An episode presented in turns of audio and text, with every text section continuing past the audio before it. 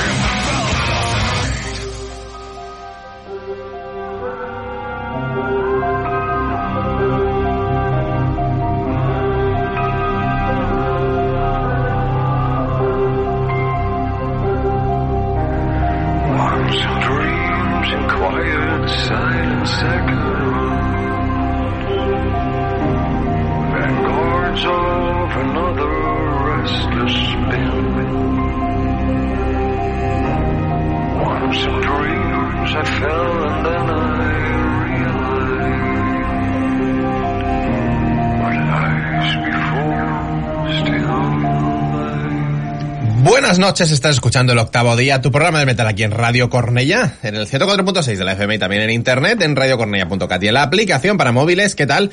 Nosotros desde las 9 y hasta las 12 en este estudio, estudio 1 para traeros lo mejor del metal. Saludos de Dani Ruiz, quien eh, te está hablando ahora mismo muy bien acompañado, ya a mi derecha y recuperada de esa agitación que la ha traído corriendo hoy a Radio Cornella, Inma Peiro, buenas noches. Hola, buenas noches a todos, ¿cómo estáis? Por los pelos. Por los pelos he llegado, pero bueno, eh, eso es lo que tiene tener fondo atlético, que llegas a los sitios. Eso es así. Fondo Atlético también tiene para el metal y mucho Tony López a mi izquierda. Buenas noches. Buenas noches y pelos también, para llegar por los pelos. Correcto. es lo importante. Ya empezamos mal, sí, lo sé, pero Ese va a ser el nivel hoy. he venido con un nivel, sí, con cierto nivel. Eh. Pero muchas ganas de pinchar muchísima música, o sea que vamos porque se me está quemando en los dedos un montón de cosas esta noche. Tenemos tres horas y como siempre se nos hace corto. Y se nos hace corto y encima llega la que viene cuando quiere y nos pone una canción aquí de casi media hora va a empezar. A los mandos de la vez de nuevo, Xenia Sansarric, buenas noches. Buenas noches. Pues eh, yo he venido aquí simplemente para pinchar esta canción. ¿Qué, te. ¿Qué os parece? Ya está, me voy, hasta luego. Hasta luego, Xenia. Hasta luego. Hasta Venga, que vaya bien. Quería que el- uno de los programas del octavo día se iniciara con lo nuevo de Disillusion. El disco del cuarto de la carrera de estos alemanes se llama Ayam. Hemos escuchado la canción que lo abre, concretamente Am, Am, Abgund. Am, Abgund. ¿Qué? Y, Como que lo has dicho en Klingon, eso. eh, ¿cómo sí, va? exacto, exacto, exacto. Porque yo he estudiado alemán y no me cuadran las cosas. Imagínate a ellos. Y, y la verdad es que el disco eh, está teniendo bastante buena crítica, aunque es cierto que como no, ¿quién es el hater aquí real del octavo día? Tony. Tony. Entonces, ¿a quién no le ha gustado el disco? A Tony, A Tony, por supuesto, claro. Eh, sí. evidentemente. No, que no es por hater, sí, sí. A ver, esto lo hemos hablado en el grupo de Telegram. Lester me dijo que, que era buenísimo que lo escuchase. Y, y eso he hecho. Además lo he hecho con mucho mimo y mucho cariño. Y me he dedicado al disco. Y he estado pendiente del disco únicamente. No he hecho nada más. Me dejé una hora con mi café con leche para escucharme el disco tranquilamente, no sé qué mañana de esta semana. Y no me metí en ningún momento. Hay, hay momentos que sí, que parece que, hostia, me empieza a enganchar y de repente un cambio, un parón, un algo que no. Y según el disco avanza, se me hace menos interesante. No es hate, es, lo intenté, porque a mí me encanta Back to Times of Splendor. Me encantaron en directo, menos el tema de Gloria que tocaron, que eso era infumable, no había por dónde cogerlo, y los dos temas nuevos que no me gustaron nada en directo. Pero aún así, pensé, eh, es otro rollo, como también se- seguramente no se parecen a Back to Times of Splendor, pues igual la comparativa en directo pues me los distorsionaba un poco y lo he cogido con muchas ganas, pero no, no he entrado nada en el disco. A mí el disco me ha gustado, sí que es cierto que de cara a la mitad final hay dos o tres canciones que son súper monótonas y que se hace como un poquito tedioso seguir escuchando en plan, bueno, quiero un poquito más de novedad. Yo del directo, eh, la última vez que vinieron, que eran teloneros de teloneros de teloneros, no vine porque es en plan para ver los 20 minutos después la de haberlos... fue con Oscura Sí, y Persephone. Sí. Pero Pues- no, tocaron bastante rato, eh. Es que claro, yo les vi en el Madrid is the Dark y como se puede recuperar en la Crónica Express que se hizo junto a Jero, eh, sonó todo fatal. Horrible fatal. Solo que yo como friki fan, pues eh, fue en plan, bueno, Xenia, pasa del puto sonido y céntrate en la música y disfrútalo. Entonces me quedé tan en plan, no, qui- no quiero otra situación Ya. así desagradable y pagar un pastizal para eso, No, no, ¿sabes? aquí, aquí sonaron muy Aquí bien, sonaron bien, bueno. y los temas antiguos, eh, eh, o sea, escalofriantes, Sí, piel de gallina, mejor, piel, sí. de, piel de gallina Sí. total, pero con esos cortes de rollo. Y los nuevos fueron cortes de rollo. Y yo pensaba que, bueno, pues eh, debió ser la impresión esa de compararlos con los temas antiguos, pero no, no. eh, No te convencen. No, o sea, el disco nuevo no, no he conseguido, no he conseguido meterme. Nadie dice que igual le vuelva a dar oportunidades Sí, un sí. día y o un día te venga una melodía que digas, "Hostia, esto de dónde lo he sacado y, y dices, es de ahí. No lo sé. Cuando me cuando recupere el podcast del programa de hoy y escuche el tema, igual digo, mira, voy a volver a ver. ¿Quién sabe? Para eso estamos también. Sí, totalmente, totalmente. Y que van cambiando los gustos a veces, el momento en que lo escuchas, lo El hemos hablado momento mil es veces. fundamental. Exacto. Porque hay discos que lo escuchas en un momento que pues ahora no era y cuando lo coges te días después dices, ahora sí era. A mí me ha pasado infinidad de veces y con grupos favoritos incluso decir, pero qué coño habéis hecho y ser ahora de mis discos favoritos de esa banda. Bueno, cosas que pasan en la vida sí. misma, la vida Es así. misma. Pues nada, antes de seguir con más metal, recordaros que estamos en las distintas redes sociales, que son Facebook, arroba el octavo día, eh, Twitter, arroba el octavo día 8, en Instagram, arroba el octavo día 8, en TikTok, arroba el octavo día 8, YouTube, arroba el octavo día 8, eh, y hasta ahí en Spotify, en, eh, en iBox, en iTunes, en Google Podcast, y creo que en Telegram. Y todo ello podéis acceder mediante enlace a, a cual- a cualquiera de estas cosas, incluso a la agenda de conciertos. Tan solo tenéis que tener un smartphone o un aparatijo con conexión a internet y entrar al octavo día. y Ya está. Mira qué fácil. Aparte fácil. hay un reel hoy, subido hoy, explicando dónde hay que ir. Más fácil imposible. Impresionante. Que lo de TikTok parecía que no, pero cuidado. Tiene muchas visitas. La gente le gusta mucho marujear. De estos sí, que perfiles sin nada y, y marujear y darle like a todo y ver todo. Así Eso es. nos gusta. Porque hacemos lo mismo. Qué boyers. Sí. Bueno, al menos no son haters, tío, como en Twitter. El, el perfil Es de distinto. TikTok es marujeo total. Exacto. Maravilloso. Tony, danos eh, la cara, por favor. Eh, especialmente a ti, sí, sí, correcto. Joder. Siempre pillas. Ojo que venimos sensibles de, de ayer, de Seravis Project, ¿eh? Pero bueno. Bueno, nos vamos a ir a, a por nuestros maravillosos suecos ya de saque. Bien. Y es que, claro, me llena de orgullo y satisfacción que haya salido un disco de una de esas bandas que irracionalmente te gustan. Saquen lo que saquen prácticamente. Y no es el tipo de power metal que me suele gustar. Porque esto no solo es que sea de dragones, sino que es más allá de dragones. No. Y de tiruriros de teclado y de demás. Pero es una banda que si te gusta, es, no es una banda de términos medios, no es una banda de, bueno, se deja oír. O te flipa o no la aguantas. Y esto hablamos pues de, de bueno, mucha gente que te encuentras, por ejemplo, uno de nuestros amigos de Telegram, Gerard Bruy, que lo conocemos más por el metal extremo, por ejemplo, es muy fan de Twilight Force. señor. Porque es una banda que si te metes en su universo, te metes. Twilight Force nos van a presentar eh, su nuevo trabajo en 2023, el 20 de enero. Saldrá At the Heart of Winter Vale. Twilight Force han diseñado una especie de universo y ellos se llaman eh, eh, Power Aventura. O sea, es una aventura y cada disco te narra unas aventuras dentro de ese universo, de ese imaginario que se han creado ellos. Todo esto ya es de por sí atractivo, pero es que además ellos son personajes. Todos tienen un seudónimo, cantante, vocalista, bueno, vocalista, guitarrista y demás, siendo eh, Alien, que es Ale Conti, italiano, Trick or Treat, todos lo conocemos, desde el anterior disco, se criticó muchísimo porque era una formación tan cerrada, con dos discos tan perfectos, los dos primeros, que los fans lo vieron con un poco reticencia, pero claro, la lección que da el tercer disco Ale Conti es, bueno, solo está al nivel, solo está al alcance de gente como Ale Conti. En este At the Heart of Winter Vale, vuelven con Ale Conti, por supuesto, a las voces, y ya tenemos un tema que es el tema que va a abrir el disco y que es además el tema que define a la banda porque además es el nombre de la banda. Twilight Force, con todos los elementos de su universo y de su imaginario, el tema Twilight Force.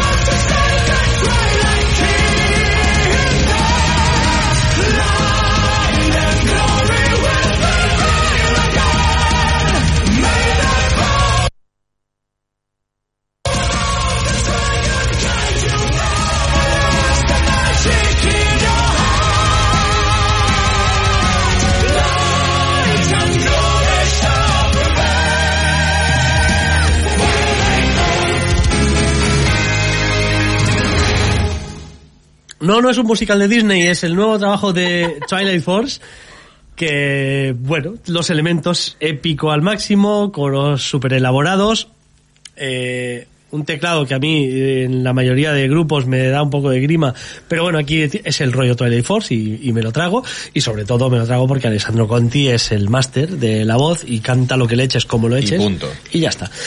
Lo he notado que- un poco contenido aquí, ¿no? Por Sí, eso. sí. Lo he, lo he Sí, porque- pero el otro que trajiste también para de- mm, No, dejar a Dani lo hecho polvo. Sí, con Tolkien Eh, es que allí lo, revienta. Eh, pero en Twilight Force todo está al servicio de la historia. Vale. Y hay momentos en los que se deja ir, ¿eh? pero cuando no, no. Aquí es un tema más. Bueno, ya habéis visto el final. El final es como un- cualquier canción de cualquier peli de Disney. Sí, sí, todos juntos, eh, Todos- a coro y ya salen todos Totalmente. los personajes. Pues a esta canción pedía esto, el- el- la canción que esté luchando contra el dragón o contra no sé quién, pues ahí es donde grita como si, como, como siempre. Eh, o sea, está muy al servicio toda la banda de, de las composiciones. El guitarrista es un, es, es un hacha impresionante y aquí no le ves hacer, si hay, hay algún tiruriro ahí por debajo de, de la melodía vocal, pero no le ves tampoco aquí hacer una cosa muy, muy especialmente técnica ni destacable porque están al servicio de, de las composiciones y sobre todo de la historia, como decimos, es metal de aventuras,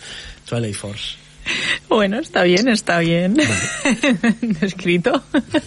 Lo de Disney me ha matado porque aparte tienes toda la razón. Sí, sí, sí, totalmente. Me es imaginaba que ves yo los, los petardos, dibujos, y los sí, sí. petardos esos al final ahí. Claro. Sí, sí, A totalmente. tope con eso. Tela.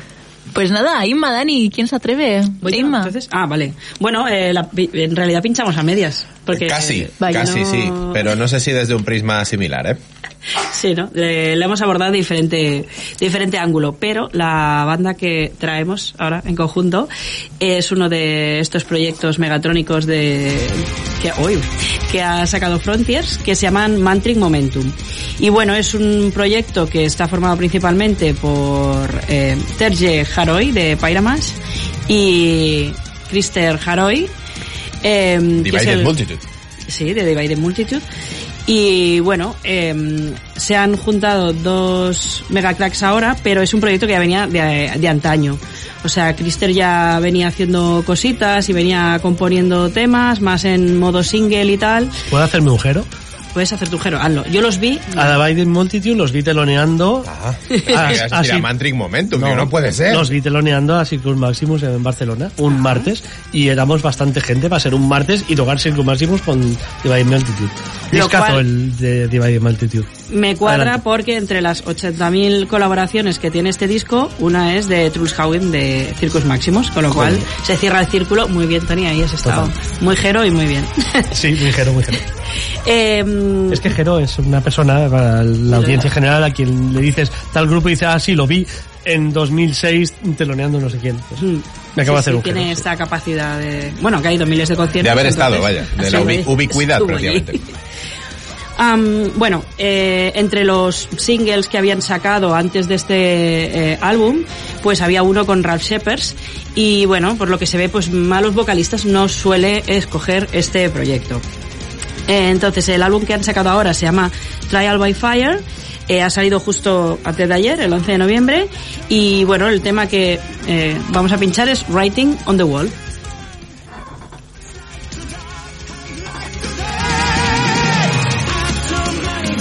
Yo creo que no. Si no me boicotea Dani, porque como él quería pinchar otro, me Sí, está haciendo eso- el boicot. Eso es, no es estáis viendo. Eso es cierto, pero además yo creo que a, que a le ha debido gustar bastante el...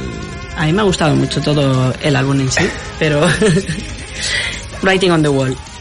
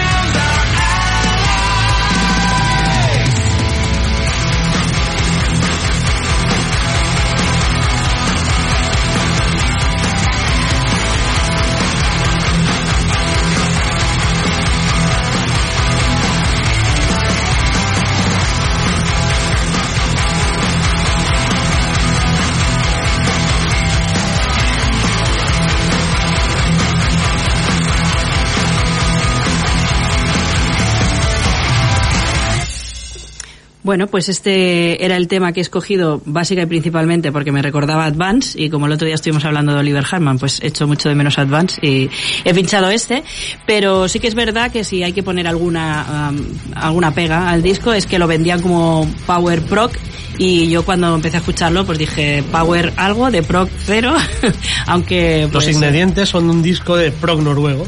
Power Prog, esa escena noruega grandísima con Illusion Suite, con Circus Maximus, con, bueno, multitud de, de bandas que, como Divide in Multitude, de, de los cuales eh, tenemos aquí gente, pero Withem, por ejemplo, que os- otros que llevan parados no sé cuánto tiempo después de hacer un discazo tremendísimo. Y claro, te, te crees que es eso, porque además estas bandas estaban saliendo con Frontiers, Withem ya salía con Frontiers últimamente, y, y, y dices, vamos, y no. No ha hecho eso, no. Yo este disco, lo confesaba, no lo he escuchado porque los vídeos que te va enviando Frontiers, nuevo vídeo y tal, vi un par de vídeos y pensé, ¿esto qué es? Esto no es lo que quiero. Y tengo el disco aparcado que es que no sé ni si lo voy a escuchar. Ahora me ha dado curiosidad la versión esta que hay al final. Hombre, yo lo he visto más un heavy melódico, más que, pero es bastante mm, a medios tiempos, no hay mucha velocidad, entonces tampoco, no hay mucho cambio, lo que sí que hay es que está muy cuidada la entrada de cada parte, eso sí que lo hace mucho, cada vez no, que va a cambiar un tipo de guitarra, una el afinación. disco estoy seguro que es una pasada porque son músicos tremendos. Y gente además que, que so- supongo que han grabado en el estudio de Oyvind Olmo Larsen que es el que graba a toda esta gente. Correcto. y, y el sonido que saca es magnífico, además él es guitarrista, es el, es el guitarra de Divided Multitude, hoy bien, entre otras bandas, en Illusion Suite estuvo también, por ejemplo. Y, y la verdad es que el tío sabe sacar el partido a, a todo lo que graba de una manera escandalosa. O sea, calidad tiene el disco de seguro. composición y de producción está muy bien. Claro, yo, yo, mi queja, entre comillas, y tampoco es queja, es que, claro, yo con los ingredientes, Hmm. a ti te dicen que va a llevar arroz, va a llevar centollo, va a llevar langostino y va a llevar gambas y dices, me voy a comer una paella de puta madre de marisco. Y resulta que no, que te comes un arroz bullit y un poco, ¿no? Arroz un arroz hervido y, aparte un pica pica de... ¿no? Con Y- ketchup. Sí. que, que está bueno también, pero que no es lo que se esperaba. Sí, y me ha pasado esto, A ¿sabes? mí Que- me, me ha gustado estoy el un poco contraste- desilusionado. Me ha gustado el contraste de, de la voz de Pyramids, que no... Claro, los anteriores singles no... Ha salido Ya. en los singles de ahora, pero en lo que llevaba haciendo este señor antes, mm, claro, nunca había cantado un vocalista de estas características. Entonces, Mm. wow, de entrada me, me impactó y no es tampoco un típico grupo que yo escuche mucho, o sea, no escucho mucho Power Pro, pero la bueno, verdad que me... eh, no, no has roto, no has roto esa tendencia con este disco. Exacto. Claro. Me No, pero No, ni claro. Power ni Proc. Está bien, ¿eh? Que salgan de su círculo de confort y demás, pero igual hay que, en lugar de jugar a querer venderle a los fans del Power Pro que este disco, igual hay que ser un poco más honesto y salir y decir, eh, vamos a hacer otra cosa y nos vais a Es escuchar en otro registro punto. y, y igual te lo comes, pero claro, yo este disco, si me lo llevo a comprar a ciegas, que es una cosa que podía haber pasado perfectamente y no ha pasado circunstancial, eh, es una decepción cuando lo recibes, aunque sea un discazo, ¿eh? Que Sí. estoy seguro, porque lo que estoy escuchando ahora de fondo me está gustando un montón. Pero no es lo que yo me esperaba. Claro. No llega, no es la expectativa que tenías, entonces Eso eso, es. pues decepciona, claro. Pero a mí no me ha decepcionado nada. Bueno, Yo lo es, recomiendo. es lo que pasa, hemos hablado mucho del disco de Striper, ¿no? Por ejemplo, y el disco de Striper Frontiers lo está vendiendo como el regreso de los reyes del jarrón melódico. Y nada. ¿Dónde está el jarrón melódico? Nada, nada, nada. Es Eso que, es más heavy que otra claro, cosa. un fan del jarrón melódico se comprará eso, escuchará Transgressor y dirá, ¿qué mierda es esto que, que se llama como el grupo que me gustaba a mí? Correcto. Y, y, y Frontiers, dentro de todo lo que le agradecemos Frontiers, es muy de eso. Sí, a veces tira la moneda en la fuente que no toca. Sí que es verdad. Bueno, es muy de, bueno, vamos a, a, a por este tipo de público y, a- y también vamos a traer a esto de otro público y a todo el que pueda traer. Yo creo que con más sinceridad, bueno, no sé, les debe funcionar muy bien. ¿eh? Bueno, a lo mejor nosotros somos muy, Puede ser, muy puede ser, finos en olfato. ser. A lo mejor la Es gente es más amplia y lo que le va a una cosa le va a otra. Mira No que sé, son lo igual más chulo, ¿ves? Aquí de fondo. Si es que el disco es buenísimo, está, muy claro. bien. Sí, sí. No sé, yo fui el viernes a ver al cine Wakanda Forever, me aburrí la hostia y pensé, bueno, ya no me, me aburriré más este fin de semana. Y luego escuché este disco y dije, ah, pues sí, podía aburrirme más. Vaya, por Dios. En fin, eh, me he trasladado desde Noruega a un sitio que no suelo ir, a Marsella, con una banda que era desconocida para mí. Es cierto que han sacado tres álbumes en 10 años. Hablo de Galderia, no sé si pronunciado Galderia o algo Ah, así. podría ser. Sí, sí. Porque ya que Isma quería poner power metal y no. Pues yo sí. Me alegro que pongas Galdería por la gente se pueda quejar de Twilight Force. Pues Ahora claro, se va- ahora se va a quejar claro, con ganas. Exactamente, ahora lo van a hacer, pero de verdad. Endless Horizon es su nueva propuesta. Esto sí, un poquito de power metal desde Francia.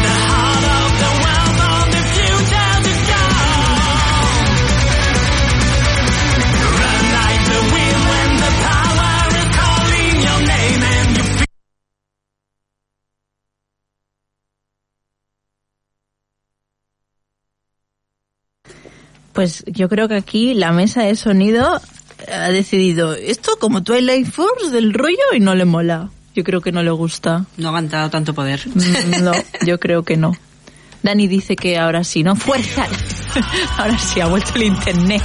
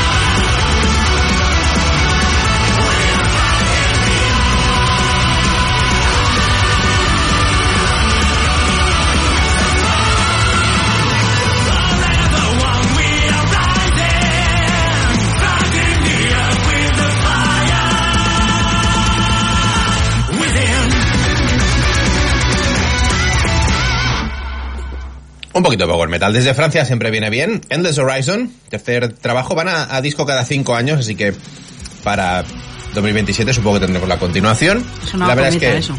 ¿Eh? Ha sonado a cometa, cada cinco años. Sí, es un poco, es un poco así, pero bueno. Un buen trabajo de Power Metal.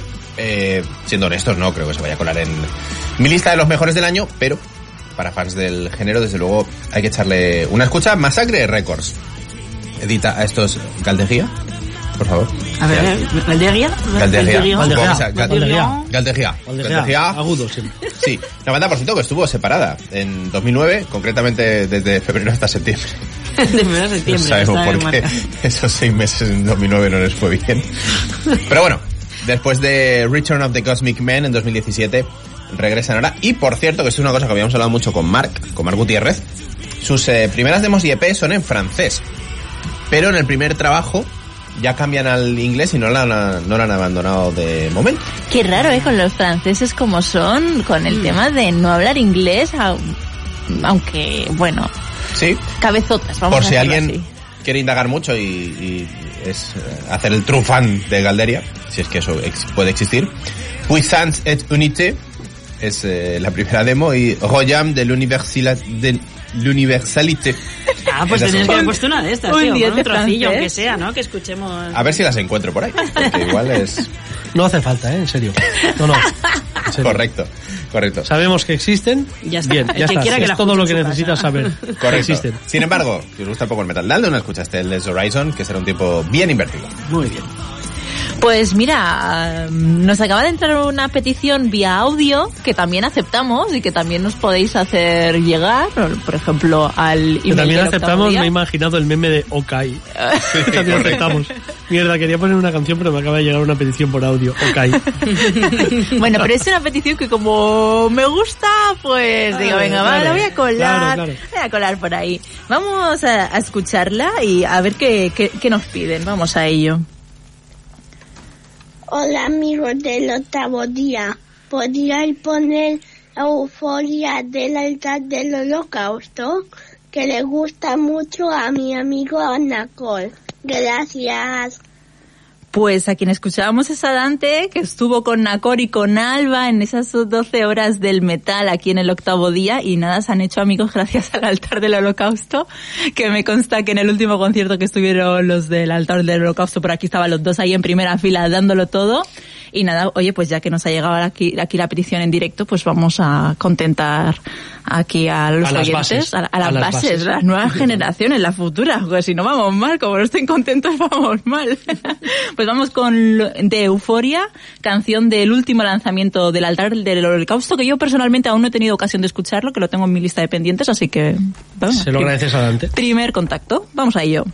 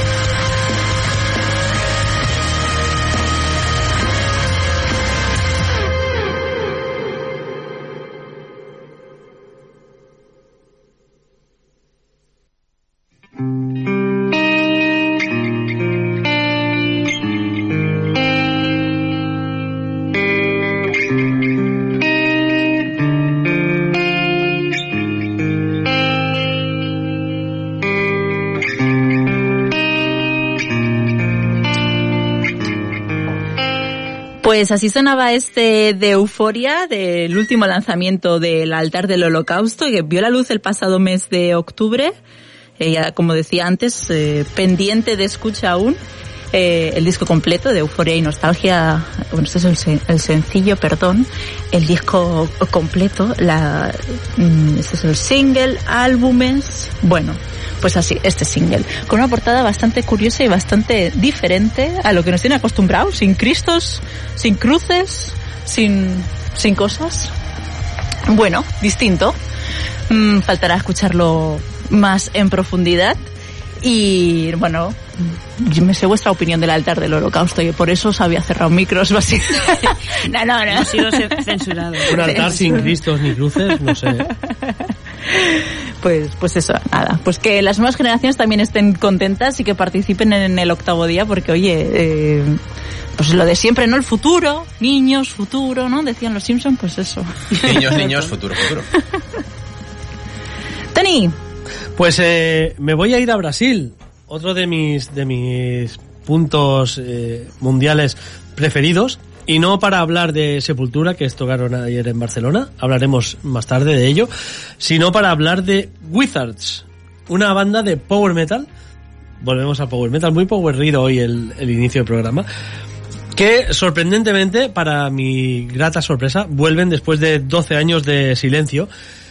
Y es que tras seis trabajos mm, de, para mí, de un power metal magnífico, en 2010 cuando sacaron eh, The Black Knight, The Black Knight no llegó a salir ni siquiera publicado, hasta el punto que, que pusieron a, a disposición en su web tanto las mezclas en, en WAP de los temas, como la, todo el libreto del CD, diciendo que quien se lo quisiera bajar, imprimir y hacer eh, en su casa, incluso pusieron la pastilla, por si te lo querías imprimir la pastilla, porque nadie les, les, les acabó de financiar una, un lanzamiento físico. Un disco, ese Black Knight, que tenía uno de mis temas favoritos de la historia del Power Metal, que es Shade of a Ghost. Que además hoy he recuperado cuando escuchaba este trabajo y, y estaba a punto de traer Shade of a Ghost y pasar del nuevo, pero no. Vamos con lo nuevo. Como digo, recuperan, eh, bueno, una banda que, se- que tuvo cierto momento de auge en 2002 cuando sacaron The Kingdom. Es un disco que yo en aquel entonces estaba enrolado con Arais, bueno, estaba, pues hacíamos las críticas y recibíamos y demás, y cada vez que nos llegaba un disco power así, eh, nos flipábamos bastante, la verdad, y nos flipó mucho The Kingdom. Y lo movimos bastante y por el entorno Arais, tiendas Arais y demás se movió bastante ese disco. Y luego, bueno, tuvieron, ya digo, poca continuidad por eso, porque la cosa se fue a menos. Han regresado, como digo, 12 años más tarde, con su trabajo séptimo llamado Seven. Y con bastante menos pelo del que tenían, todo menos el batería. El batería tiene una frondosa melena todavía, sorprendentemente. Los demás mm, ya la perdieron. dato importante. Bueno, es un dato para ver que la vida ha seguido y por, por otros cauces, pero que han conseguido juntarse para volver a grabar un trabajo. Y el tema, el primer single adelanto, pues la verdad es que me ha gustado mucho y por eso os lo comparto. Esto se llama Pain, es el primer single del nuevo trabajo de Wizards.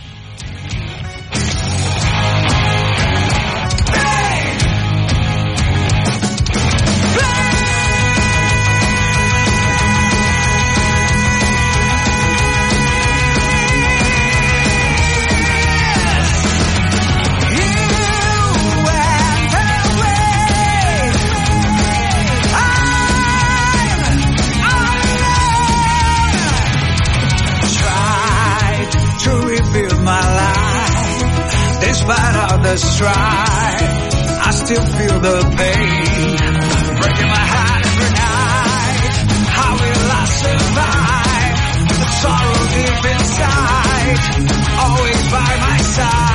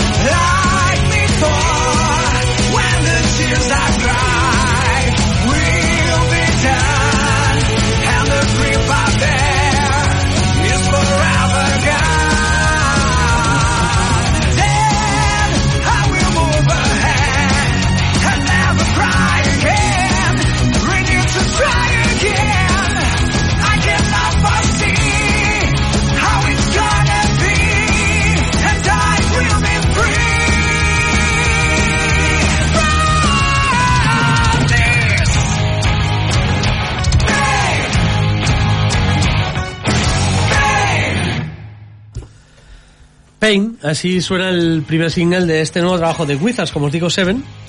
Bueno, es power brasileño, es... M- Me ha sorprendido mucho que es en plan pain, no sé, te imaginas algo pues do- doloroso. No, no, no, Y que el estribillo es, venga, viva el pain, viva el dolor, ¿no? Es bonito, muy- Wizards es bonito. Bueno, pero es, es- tiene cierta melancolía el estribillo, que, que ya engloba, engloba- bueno, enlaza un poco. Eh, Cristian Pasos, es el vocalista, es un auténtico genio. Este hombre, eh, sobre todo haciendo voces múltiples. Una de las gracias de Wizards es todas las múltiples voces. De hecho, en ese Black Knight eh, que os comentaba antes que no llegó a salir, eh, además de dejar las pistas normales, dejó pistas únicamente vocales. Y es una pasada ver cómo, cómo el tío graba las pistas vocales una sobre otra. Joder. Sí, es que es lo que Sí. se veía en este tema, que la, la voz doblada está súper bonita Sí. hecha, no está hecho ahí a No, no, es un tío, tercera al tuntún. no, no, es un tío que, que controla muchísimo ese aspecto. Y bueno, pues eh, tenemos a, a gente que ha estado en Shaman, tenemos a gente que ha estado, que ha sido incluso con Team Reaper Owens, de la banda de Team Reaper Owens, por ejemplo, el batería Gabriel, eh, Gabriel Triani ha sido batería gira de Reaper Owens, como digo, y luego múltiples grupos eh, brasileños como Tempest, eh, o como, bueno, como Spectra, Foquitol, un montón de, de bandas que no han salido seguramente aquí, pero que, que bueno, Leo Mancini también ha estado con Soto, ha estado con, con, con un montón de, de bandas que, Operation Mankind, con Geoff Tate, es decir, son gente con un bagaje musical bestial que estos 10 años no han estado parados, han estado tocando con mucha gente y que al final han dicho, oye, nadie nos hizo caso con el Black Knight, que yo debo decir que a mí me gusta mucho, sobre todo por ese tema que os he dicho, Shade of a Ghost, pero que es verdad que no tuvo tanta repercusión y tanta buena acogida, pero que han dicho, bueno, pues ahora igual podemos, ha llegado el momento, vamos a hacer otro disco, y ahí, ahí lo sueltan. Y ahí está. Y yo encantadísimo a gastarme mis 30 reales brasileños, que son 7 euros al cambio, en comprarles el disco. Más 7 euros al cambio, más gastos, más aduanas, se ponen 30 rápidamente el disco, ¿eh? Jolines, Ya ya ves. ves. De 7 a 30, tío. Ya ves. Sí, sí, sabe, sabe bastante mal que la banda vaya a ver, no digo 7, porque además quien se lo edita pillará cacho. O sea, uno paga 30 euros y a la banda igual le llegan 3. Con suerte. Pero y no bueno, hay visos de que vengan a Europa a hacer nada. No hay visos de Háblate que- con el Rock bueno. Imperium o algo, yo que sé. Sí, no, no. en el Rock Fest, ¿no? Podrían venir no, mi idea cuando, cuando me toque el Euromillón, mi idea es montar un festival temático, ¿Así? hacer un festival temático sueco en Ajá. mayo, uno brasileño en junio, Ah, uno Oye, Tony, pero ¿no sería mejor hacer una Eurovisión del metal de verdad? También.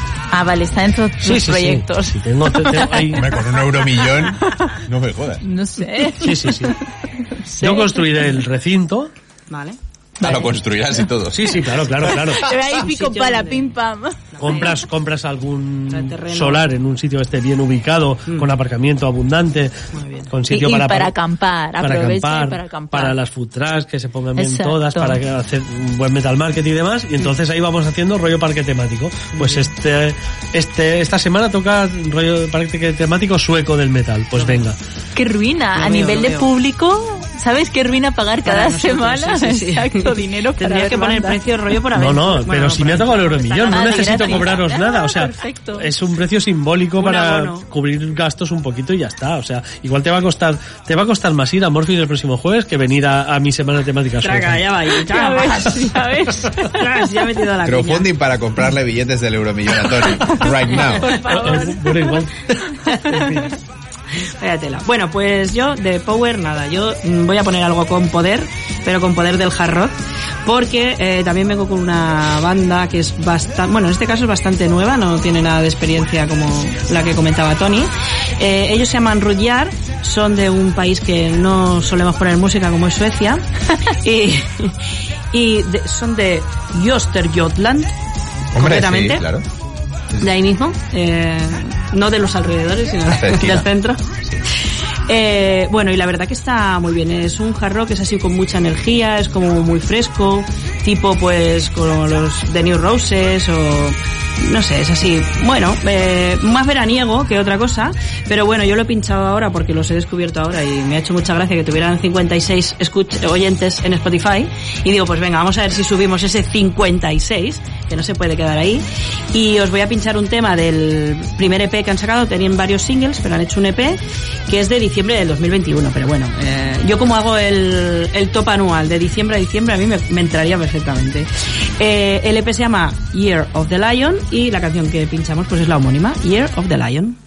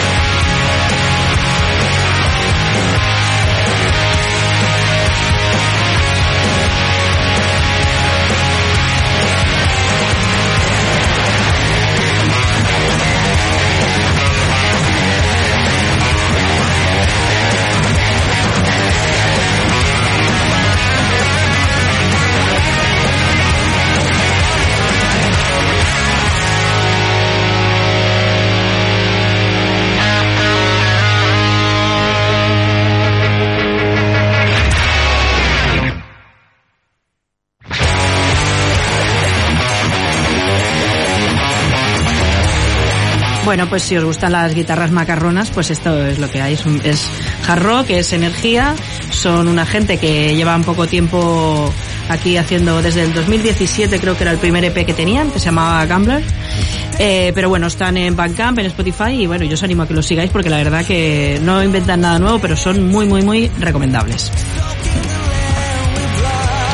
Yo me... Pe- pe- perdón, Dani.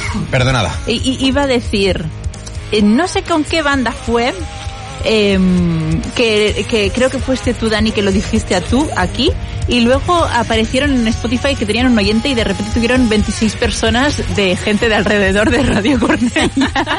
no recuerdo qué banda era, así que A ver, a ver si lo No, pero me, me congratula que suceda. esperemos que, que pase, pase lo mismo con esta gente.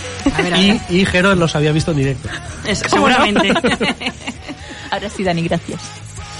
Me voy a acercar un ratito a Preston, Lancashire, Inglaterra, para una banda eh, que Al contrario de la banda Rudyard, que acaba de presentar Inma, tienen ya un bagaje muy interesante. Primera aparición discográfica en el año 89, es verdad, un eh, pequeño hiato, eh, un poquito más grande que el de Galderia, del 96 al 2019. Eh, los mantuvo fuera de juego, han vuelto al panorama. Hablo de Shentrix, los veteranísimos del thrash metal que regresan con Seven Words y regresan de qué manera. Esto es My World.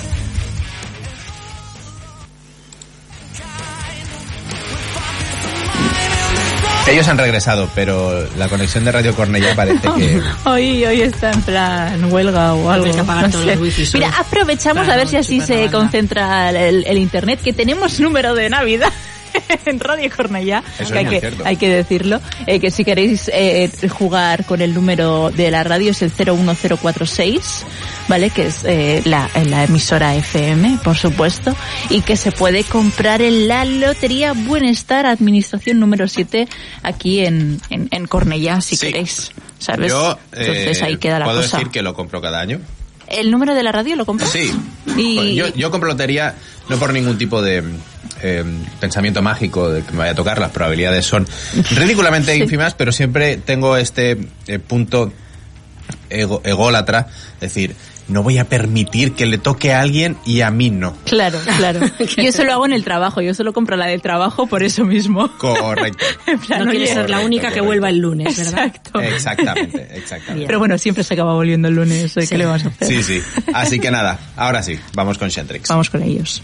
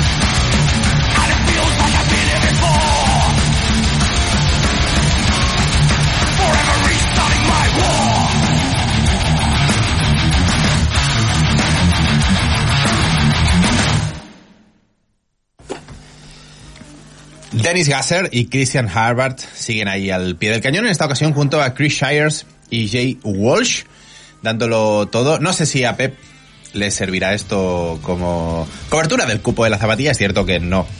Eh, sería ese tipo de zapatilla que solemos poner, sobre todo Alfonso, pero la verdad es que es un álbum eh, muy a tener en cuenta y que desde luego creo que hará las delicias a la gente que mm, tenga gusto por este estilo un poquito más old school. A mí desde luego me ha encantado el trabajo. Después de Beauty the Pain en 2019 llega este Seven Words, Shentrix de nuevo al ataque, que siempre es una gran noticia. Pues sí, pues sí, que sigan ahí presentes, vivitos y coleando y en buena forma, exacto. Y seguimos, y en este caso a mí me hace siempre cada año especial ilusión leer eh, un email que nos llega titulado War Metal Battle Spain. Sí, es una batalla de, esta- de un concurso de bandas cualquiera, pero a mí me hace, no sé, me hace como mucha gracia que, que vaquen un, un escenario a nivel de exposición tan grande, ¿no? Pues oye, pues eh, apueste entre comillas, aunque sabemos que hay intereses detrás, en, en darle voz a, a- bandas nuevas. Entonces ya nos ha llegado aquí de parte de, de Larry, quien se encarga junto con otras personas de gestionar todo este WoA Metal Battle Spain, que ya las bandas que queráis ya os podéis inscribir, ya están las inscripciones abiertas para ello y que va a haber como siempre las distintas semifinales, la semifinal norte que tendrá lugar el 25 de marzo en Puerto La Vega, en Asturias, de donde son eh, los Legacy of Brutality que ganaron una de las ediciones hace 2019 quizá, 2018, bueno, no recuerdo exactamente cuál. La semifinal este que tendrá lugar el 31 y 1 de abril en Alicante, que este año pasa, eh, no va a ser en Barcelona, la pasa en Alicante. La semifinal centro que se mantiene en Madrid eh, el viernes y el 14 y el sábado 15 de abril. La semifinal sur que tendrá lugar el viernes 28 y sábado 29 de abril en Sevilla. Y luego pues de, de todo esto el ganador de cada una de las sedes pues llegamos a esa final que tendrá lugar el próximo 27 de mayo, del cual aún no se sabe ni, ni en qué sala, ni en qué ciudad, ni nada. Pero bueno, lo importante aquí, tienes una banda, quieres, mm, aspiras a tocar en Backen, pues ya te puedes inscribir aquí este WoA Metal Battle hasta el 31 de diciembre entrando a metalbattlespain.com y bueno, pues eso, rellenas el formulario, envías las cosas, eh, cosas de típicas de concursos. Nosotros aquí nos sirve para siempre descubrir nuevas bandas, que a mí es lo que más me chifla, de- descubrir nuevas bandas, saber quién, quién es, eh, quién queda en cada una de, de estas distintas eh, sedes semi y finales y demás, que eso es lo que mola, es eh, conocer nuevas bandas. Y pues nada, yo aprovecho esta noticia, esta eh, va- publicitar, bueno, publicidad tampoco, porque tampoco no vamos a recibir nada a cambio, simplemente nuevas bandas, ¿no? Que eso está más Bueno. que pagado. Para Nos recuperar apañan el grupo español de la Eurovisión del Metal. Eh, es- no, porque la final es el 27 de mayo y nuestra Eurovisión del Metal va a ser una semana antes. Uy. Lástima, si lástima. no, mira, Si no- podría ser empalmada. ¿eh? Podría ser, podría ser, estaría muy bien. Menudos honores, ¿no? Estar en los dos, en los Eurovisión del. Metal y en el, y en el Metal Backen. Pues lo que decía, aprovecho para recuperar a Legacy of Brutality, una banda de Asturias de Puerto la Vega, que fueron ganadores, no recuerdo qué año exactamente, pero ya hace unos cuantos. A mí personalmente me gustaron mucho, creo que es una banda muy compacta, con muchísimo nivel y que ofrecen un brutal death muy bueno, así que vamos con esta dosis de metal extremo a ritmo de Realm of the Vanished Gods de Legacy of Brutality.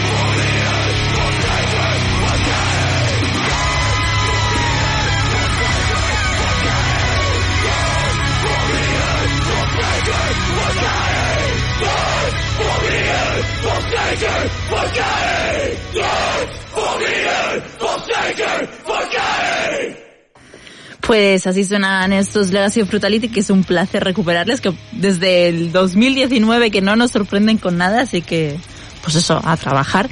Y sobre todo lo que decíamos, ¿no? De la oportunidad que ofrece el Metal Back en, eh, en cada uno de los respectivos países, que nos permite lo que más nos gusta, que es descubrir nuevas bandas, nuevo metal, y que estaremos muy atentos a, a los grupos de cada una de las distintas semifinales y también de, de otros países porque siempre descubrimos cosas nuevas, sobre todo cuando hacemos Eurovisión del Metal, te toca Islandia y del grupo que decides que va a representar Islandia siempre eh, ha participado en el Metal Backend de Islandia.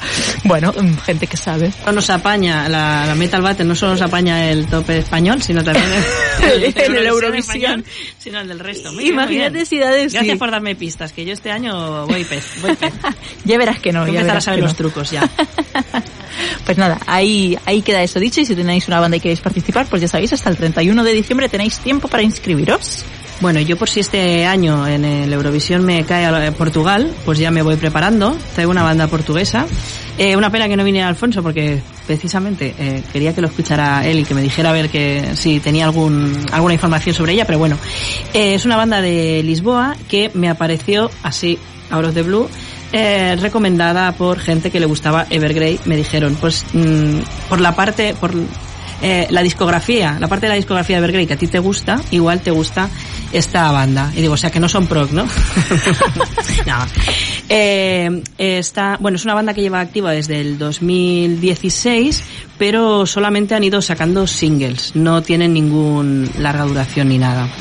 Eh, es así como bastante desarrollada las canciones, muy melancólico y lo que más me gusta y creo que es la, el puntito chulo de traerla hoy aquí es que cantan las letras en portugués. Entonces pues eh, siempre da como un aire fresco escuchar Sí. así en, en otros idiomas, ¿no?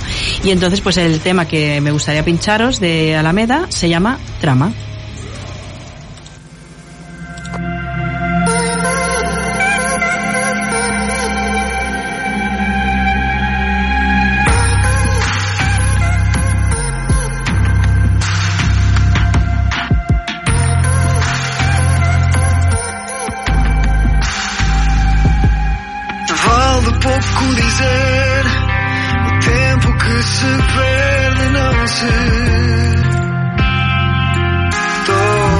deixar. Agora vai na vontade. Tudo que eu deixava soltar.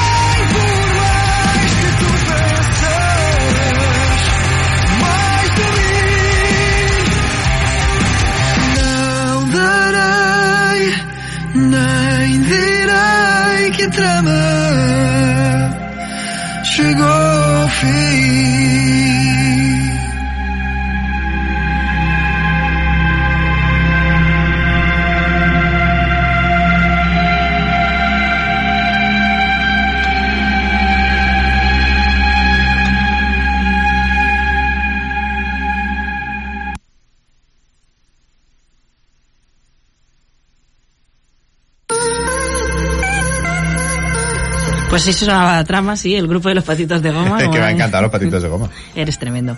Eh, bueno, el grupo lo forman Joao Faria a la batería, Tiago Martiño a las guitarras, David Coutinho a las voces y las guitarras, no te no hagamos la broma ya veo, eh, Johnny Joe Calegari al bajo y la mala noticia que nos daba la compañía discográfica, Luminol Records, que parece que está grabándoles estos singles, es que es el último, bueno, es el último tema del año que van a publicar, a pesar de que solo publican singles, es el último que van a publicar este año y que es el último en el que va a colaborar Tiago Mariño, que es el guitarrista y uno de los principales compositores. Entonces, entiendo que esto va a afectar de alguna manera a las futuras composiciones, pero no sé mucho cómo, porque la verdad que la discografía anterior es bastante variada, aunque sigue en esta en esta dinámica. No todas las canciones son melancólicas, no todas son tan rock, por decirlo de alguna manera, por decirlo suavemente.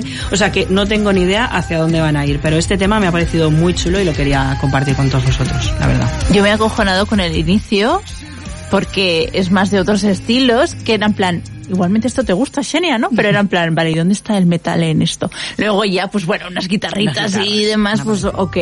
Me ha gustado por eso, porque eh, pues es muy poco metal. Es un poco metal, parece muy así. poco metal. No, pero tiene, tiene, Tiene un resquicio y voy a decir un nombre. Desgarrado por ahí. Conception. Conception. Conception. Vale, Yo lo he relacionado a Conception. Vale. Sin ser Conception, sin sonar a Conception, pero es ese rango donde se mueve Conception. Es todo lo- Esto sí. to- bueno, todo, todo el tema. Este tema lo podía haber grabado perfectamente Conception. Vale. Sí. Bueno. Una voz muy diferente a la de Roy Khan, es cierto. Pero tampoco moviéndose en registros muy distintos, la verdad. A mí me, me ha tirado ahí también, incluso la voz me tira un poco más a, a Tom Englund, incluso. Pelín Evergrey. te- te tira más para allá. Sí, Pa- sí. más, Bueno, más- más para bueno, Evergrey la voz. Es como Conception con Tom Englund de colaborador en este tema. Sí, pero un Tom Englund más, Sí. más mm, sentido. Más puesto en, Sí, sí. en, en ese... Sí, Sí. Más puesto en el contexto que pide el tema. Bueno. Pues, eh, yo no, no voy a ser tan exclusivo como Ima para... Pero, pero esto me tiene muy intrigado. Bien, eh, vamos a... Pues más que te va a intrigar cuando lo escuches. Toma. Nos vamos a ir a, a una localidad am- ampliamente conocida por su legado en el mundo del metal, como es Úbeda, en Jaén. Dani ya está por el suelo. A ver qué pasa. Es cierto, no nos llega mucha música desde Úbeda, pero desde Úbeda nos llega Fran Suárez. ¿Quién es Fran Suárez? Es un puto genio. Perdón por haber usado la palabra genio en radio, pero es que no se me ocurrió otra manera de definirlo. Eh, este hombre es, eh, para decirlo sanamente, si echáis en falta discos de Symphony X porque desde 2015 no graban nada, os cogéis eh, el último trabajo de Aira Inferno, A Divided Journey, hecho por Fran Suárez, y, y ya tenéis disco de Symphony X. Y hasta mejor que algunos de los de Symphony X. Es un tío que ha- es tan bueno que ha colaborado con él, pues la, la gente de lo mejor del panorama nacional. Por ejemplo, el primer mm, tipo para quien cantó Ronnie Romero era Fran Suárez Toma ya. por ejemplo, antes de ser nadie. Y es que realmente la música de François necesita una voz capaz de afrontar los, los objetivos que, que, que te propone. Esto es una petición, nos lo pedía Pepe desde Granada por eh, privado, uno de nuestros grandes amigos del grupo de Telegram, y a Pepe agradecerle el que me haya hecho descubrir este disco que yo no había escuchado hasta la fecha. Y es que hablamos de su cuarto trabajo en solitario que se llama Borein, en él, eh, Fran eh, no solo no solo se dedica, Fran Suárez no solo se dedica a las guitarras, que es su principal cometido habitualmente, sino que aquí lo hace todo. Todo. La programación, las orquestaciones, las guitarras, todos los instrumentos y además también se atreve a cantar. El disco, como digo, se llama Boring. eh, tiene una base de death metal, pero encontramos elementos progresivos, sinfónicos, melódicos de todo tipo. Y mucha variedad en el disco, un disco que lejos de ser instrumental, al ser de un instrumentista, pues un disco además muy variado, con voces donde tiene que haber voces. En fin, no, no me enrollo más. eh, simplemente decir que cuando vas a, a buscar información te dice no social media, just music. No Vale. tiene social media. Y está en Spotify, además en su página web hay un enlace de Mediafire para que te descargues el disco, o sea, mm, todos son ventajas. Fran Suárez, desde Borheim, escuchamos The Eye of the Albatross.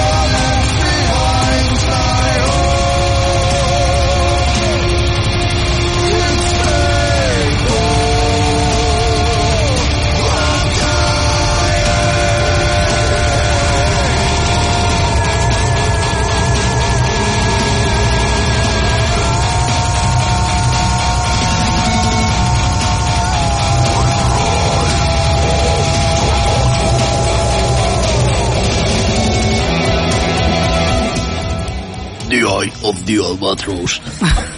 En palabras de Fran Suárez, que es eh, el tema que hemos escuchado, un auténtico genio. Eh, ya veis que es un proyecto más eh, death metal técnico, más orientado pues a bandas tipo death o más actuales como Obscura y demás. Pero como os digo, es un todoterreno y, en su otra banda Aria Inferno, eh, pues que ya os pondré también, ¿por qué no? Porque realmente es algo distinto, pues practica más un pro power de nivelazo tremendo, o sea, nada que envi- bueno, todo el mundo tiene algo que envidiar a Symphony X, pero vamos, nada que envidiar a bandas similares a Symphony X. A Symphony sí, a esos les envidiamos todo, todo el mundo. Yo, yo lo escucharé en casa con amor y cariño, iré a su web y me bajaré, me bajaré el archivo Mediafile, que hace mucho que no sabemos, no se utilizaba esa palabra. Sí. Y, y entonces tranquilamente lo, lo cataré, a ver qué tal. Bien, pero bueno, este disco, como digo, este Borgen está, está subido a Spotify, o sea que... Ah, bueno, pues está en Spotify. Sí, sí, este está en Spotify, o sea que se puede ir sin ningún problema y como digo, recomiendo mucho ir a Aria Inferno también y escuchar eh, el disco que, que también os pincharemos aquí. cómo. Pero Xenia, yo creo que hoy te tienes que ir antes y nos tienes que... Estamos Claro. esperando desde las 9 algo que no llega. Desde las nueve y desde hace como dos o tres semanas. Bueno, También, yo realmente el disco lo tengo desde hace bastante más, pero oficial, oficial, pues hace un par de semanas porque Devin decidió, por supuesto Devin Thousand, retrasarlo, mm, porque pues es así. Y ya sabéis, Devin Thousand ha sacado un nuevo disco de nombre Lightwork. Mm, bueno, hay tanta mezcla, tanta fusión, tanta cosa que no es metal y que ya se ha perdido incluso a veces un poco la identidad de la parte metal que tenemos de Devin, que es un poco complejo de saborear. O sea, está bien, pero necesita muchísimas escuchas y hay algún tema que dices, uff, me he cansado aquí, no puedo seguir más. Lo bueno que este Lightworld tiene una deluxe edition, por tanto un doble disco, que es el Nightworld, o sea, de Lightworld de luz, pues la oscuridad. Y en la oscuridad encontramos alguna cosa más, un poco más metal y un poco más interesante. Siempre la oscuridad, pues llamando aquí a, a todo el mundo. Así que me despido por hoy eh, con David Thousand, porque es que tenía que sonar David Thousand en algún momento de- en el octavo día. No ha sido al inicio porque no se lo merece, Devin. O sea, no te lo Yo ya he venido vacunado contra Devin, ya Claro. sabiendo que hoy venía... Claro, a claro, pero y, y realmente llevaba Devin ya la, la- la última vez ya, ya llevaba, pero no había salido el disco y no quería pon, bueno, lo que ponía era un single que son un rollo. En fin, Devin, mm, no sé, chico, o sea, entiendo tu locura y tu genialidad, pero creo que estás siendo un poco risky y no sé hasta qué punto te va a salir bien o mal. Tengo curiosidad con eso también. Sin más, me despido de todos vosotros, pero aquí siguen mis compis aquí dando mm, lo que queda, una horita y media de puro metal, a ritmo de Devin con la canción Star Chasm Part 2.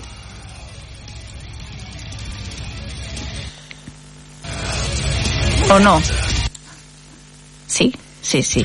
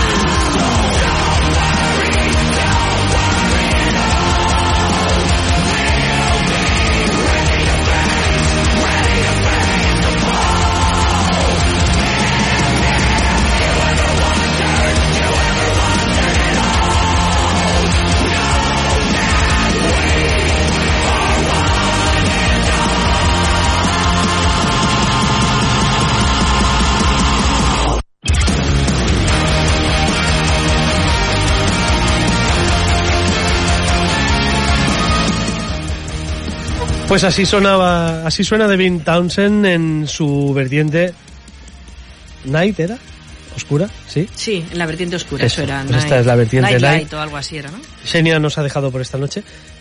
Nos ha dejado. O sea, se ha ido directamente. la tendremos el próximo domingo otra vez, pero quedamos nosotros para mantener el pabellón alto. Dani, pincha algo y si te parece, luego hablamos un poco de todo lo que pasó ayer por Barcelona, que fue señor. mucha música en directo. Me quedo con eh, la sección semanal del Metal Samurai. Me voy a Japón, en esta ocasión, para presentar una banda eh, de estructura itinerante, siempre pivotando alrededor de Iron Chino, que es el nombre de Hiroyas Chino, el eh, fundador y elemento principal de Iron Attack, y lo digo así con énfasis porque eh, lleva un signo de exclamación. Al final, una banda curiosa, ya que eh, tiene como 9.500 discos publicados desde el año 2007, aunque eh, sí que hay algunos de material original. Muchos de ellos son álbumes que están eh, basados en canciones de juegos Toho, juegos de en fin, cartas, turnos, etcétera, ya que el señor chino es muy, muy fan. Acaba de editar ahora mismo un single con un putísimo crack como es Yama B, Masahiro Yamaguchi, guitarrista bestial en Gunbridge, en Axbite, etcétera, etcétera, etcétera. Y, por supuesto, pues aprovechando que el Pisuerga pasa por Valladolid, los traigo a este Metal Samurai Right is on our side, lo nuevo de Iron Attack.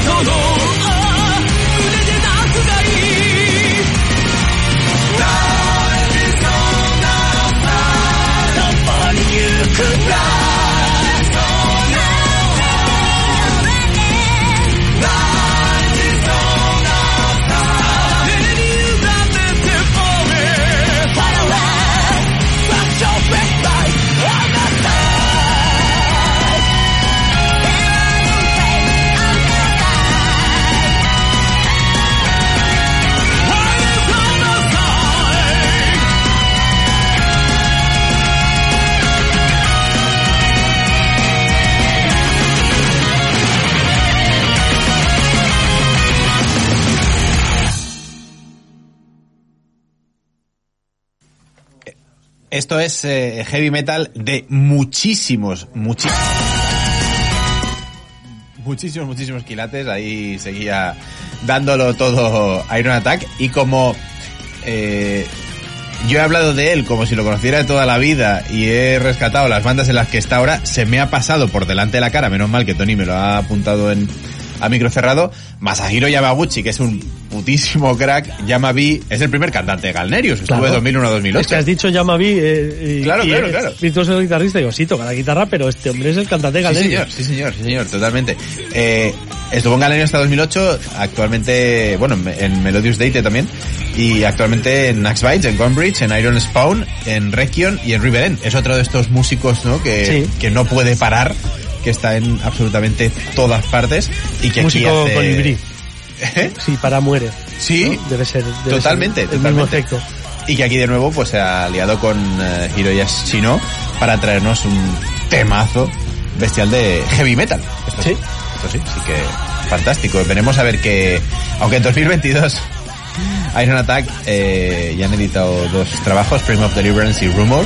Como decimos, son muchos trabajos de arreglos de canciones de videojuegos y tal y cual. Pero vaya, a ver si hay más material original. eh, ya en 2022 no creo, pero en 2023 estaremos ahí al loro. Yo creo que dentro de poco vais a tener ya que empezarnos a hacer un árbol genealógico de Galnerius como lo de Rhapsody, porque yo ya No da para tanto. No, porque no han tenido tanto movimiento. De hecho, bueno, a Galerius le pasó lo que a todas las bandas, lo que hablábamos de Twilight Force antes. Cuando se fue el primer cantante, todo el mundo pensó que se morían, que ya no podía ser, que Galerius sin ese cantante no. Y bueno, el nuevo, que aún se le llama el nuevo, Es lo que iba a decir. El nuevo lleva desde 2008. sí, O sea, es un lleva, lleva ya casi el doble de lo que estuvo Yamapi, pero aún es el nuevo y, y es un tío súper solvente, ya no solo en disco, sino en directo, con sus temas y con los de... Masatoshi Ono. Sí, incluso con los temas eh, clásicos. Sí, sí. Pero sí, tenía aquel encanto Yamavi que no es... Yamavi tenía un poco el encanto de la imperfección. Una voz más rasgada, más ronca, que no era seguramente la misma en directo, además que en disco, pero que le daba otro tono. Y en cambio, ahora es todo tan perfecto. Clava tanta, tanto cada nota, tanto en disco como en directo, que no sé. Yo reconozco que conocí a Galnerius con el primer disco en el que cantó Ono, en Resurrection. Entonces, ya me lo he escuchado a posteriori y le tengo más vínculo con el nue- nuevo. Yo conocí a, Galnerius con The Struggle for the Freedom Flag, que es pero uno de los primeros temas, sí, eso es de lo primerísimo. Y claro, para mí ese tema es casi insuperable. Y realmente con la voz de Yamavi es muy especial. Y lo escuchas ahora cantar por uno. Y lo hace perfecto. Sí. Pero, pero falta ese punto de imperfección. Claro, a veces es lo bonito, que sea un poco imperfecto para... Sí, es, es, increíble, ¿eh? De- igualmente, pero claro, ese punto imperfecto a veces, a veces se echa de menos. Ya, Yamavi se fue por diferencias musicales. Ah, Sí, bien. sí, sí, sí. De, de hecho, lo recoge incluso la página oficial de Galnerius, ¿no? Que se fue por diferencias musicales. Y los japoneses también son muy pulidos para estas cosas, pero... Bueno, bueno, las diferencias musicales yo creo intuir por lo que sé de la historia de Galerius que al final hay quien manda es Siu. Y punto. Y punto. Y aunque tú está. quieras hacer una canción estilo Siu, es Siu quien tiene que decir que esta canción hay que hacerla. Y ya está. Y se acabó. Pero esto pasa en muchas bandas. Esto pasa en Galnerius. muchas bandas y cuanto mejor es el líder de la banda, es que te tienes que callar y ya está. Y si no te quieres callar, pues te vas, como hizo Yamavi. Como hizo Yamavi, o como en su día hizo Dio, o como tanta gente ha hecho en tantos sitios, como David Lee Roth, o como tanta gente en tantos grupos. De todos los que han cantado con Ingrid. Al final de Galnerius, el, el, Bueno, ahí ya vas sabiendo. Sí. El único que permanece de la formación primera es Siu. Luego sí que está eh, el teclado, que entró un par de años después, también cuando se forma la banda, pero el resto, o, no es el más longevo y hay gente que ha entrado en 2020. tal, Mm. es decir, Jolines. Siu pues se reúne de la gente con la que cree que debe trabajar, ¿no? Y si funciona bien y si no. Y si no, pues ya está. En Japón, gente que toque bien, hay unos cuantos. Ahí, que- sí, sí. Pero bueno, Tony, nos vamos eh, de Japón, volvemos Sí, a casa. Vamos a hablar un poco, ¿no? De lo que pasó ayer. Inma, ¿está- ¿has estado en algún concierto eh, últimamente? No, ninguno. ¿No? Ninguno en absoluto. Ni el jueves ni el viernes estuve de concierto. Pues eh, explícanos un poco qué pasó. A mí el jueves me dio muchísima rabia no estar, la verdad. Mm, Pues te la tenía que dar, te la tenía que dar porque el jueves estuvo un conciertazo. Em, los primeros Bad Wolves em, no lo hicieron nada mal, lo que pasa que, que es un estilo que aquí en España pues no, no ha acabado de cuajar y vinieron un poquito con aires de grandeza, en plan mm, con- andando toda la pasarela y tal, no sé qué, y creo que no la propuesta no acabó de enganchar del todo a, a la gente que había venido. Luego salieron Skindred, que son una fiesta, y estos sí que ya se llevaron a todo el público de calle, pero bueno, si habláis con Alfonso y con Pep ya os dirán que es un estilo que te tiene que gustar, porque mezclan mucho rap, hay muchas partes eh, Ya pregrabadas, está, ya, ya. No, con DJ y tal. Y bueno, pero son muy graciosos, te lo pasas muy bien. Yo la única pega que tengo con Skindred es que hay una canción que me gusta mucho, se llama Under Attack, que es con la que empiezan siempre, como con una sirena, como si estamos siendo atacados, no sé qué. Normalmente empezaban así y ahora han cambiado al principio, no sé por qué, eh, en el concierto del otro día, porque venían haciendo en la gira lo otro y ahora lo han cambiado. No, no he buceado para saber qué pasó. Bueno, la gente cambia, eh, déjalos que pero aquí en. Barcelona no, tú, que esta era la que me vale. gustaba a mí. Vale, vale. Se lo comentaremos para la próxima vez. Y lo del rap se lo comentaremos también. No, hombre, lo del rap está muy bien. Y Volbeat, pues eh, yo creo que todo el mundo con el que he hablado ha coincidido que fue un conciertazo. Creo que no habría sido el inicio especialmente del gusto de Tony, porque hicieron un encasquetado de todas las cantaditas al principio. Entonces yo creo que ese principio igual no te habría acabado de encajar, ¿No? pero pero la verdad que el setlist estuvo muy chulo y, y, eh, metieron mucha tralla, se llevaron a toda la gente de calle, todo el mundo cantando. La gente que los había visto menos veces eh, se quedó un poco secada con que Caggiano es inexpresivo y digo, pero no es, es que él es así, no viene de ahora, no os preocupéis, ya era así antes, lo trae de casa, pero la verdad que el espectáculo ha crecido con los años como ellos, es una, una inmensidad. El cambio que hicieron desde, me acuerdo la primera vez que los vi en el Backen, que era la banda totalmente distinta, eran los chavales, los colegas, a- después cuando ya entró Caggiano y reclutaron a toda la banda de nuevo, es, es que es otro, esto es otra historia, es otro nivel. Es una banda de otro nivel ya. Eh, tiene muchos quilates. Ah, mira, muy bien, gracias por poner el bolito. No, porque, porque además, además está sonando de fondo la canción con la que quería acabar el- la semana pasada, que no pudimos acabar para Mm. hablaros de este concierto, y es la que más, vamos, la que más rabia me ha dado perderme en es este muy concierto, porque a mí es que esta canción me vuelve loco. muy- el estribillo de The. Temple of a Cure es impresionante. Esto sonó el pasado jueves en San Jordi Club de Barcelona.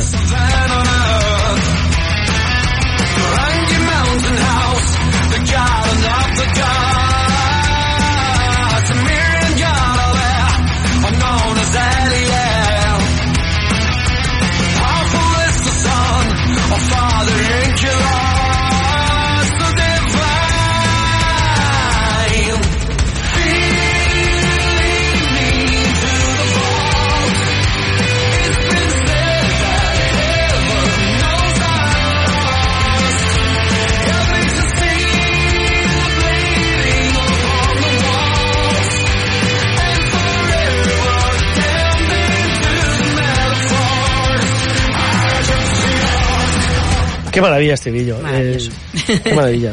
Aquí me he intentado contener, pero yo esto en casa lo salto, no lo bailo. No, y además es eh, muy bueno que al principio perdía más la voz, Paulsen, y hizo un entrenamiento vocal brutal, porque, bueno, ya vieron cuando se metió Cayano empezó a meter el dinero, vieron que esto iba a dar pasta, y la verdad que lo ha respetado, yo todas las veces que lo he visto está perfecto de voz, o sea, no Hay pierde. unos vídeos del domingo pasado, del 6, día 6, en Florida, el sitio se llama Hollywood, en Florida, donde es multicam y tal, y de hecho es lo que vendrían a tocar a Barcelona. La única diferencia es que sí que llevaba trenza ahí, no llevaba el pelo suelto, pero cómo suenan y qué bien canta y qué pasada de sonido llevan. Bueno, brutal, ya brutal. es lo que dices, ya son unas tablas ya tremendas. Ya es- ha, ha ha saltado a otro nivel, ya esta es una banda ya de primera fila, ya no tiene nada Aún así, un poco de pinchazo, ¿no? Leí en San Jordi Club, no acabo de llenarse lo que se esperaba. No se llenó, no se llenó. Había cortinas. Pero bueno, eh, mejor.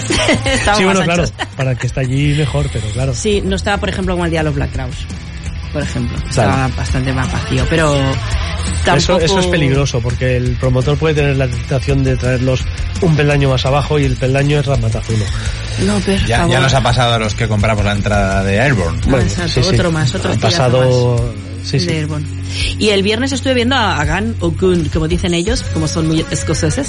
Hagan, me vas a permitir que no lo ponga y que siga de No, fondo tranquilo, con- deja volver, deja Vale, volver. perfecto. Pero, pero antes de que hables de GAN, eh, escuchamos otra vez el estribillo, joder.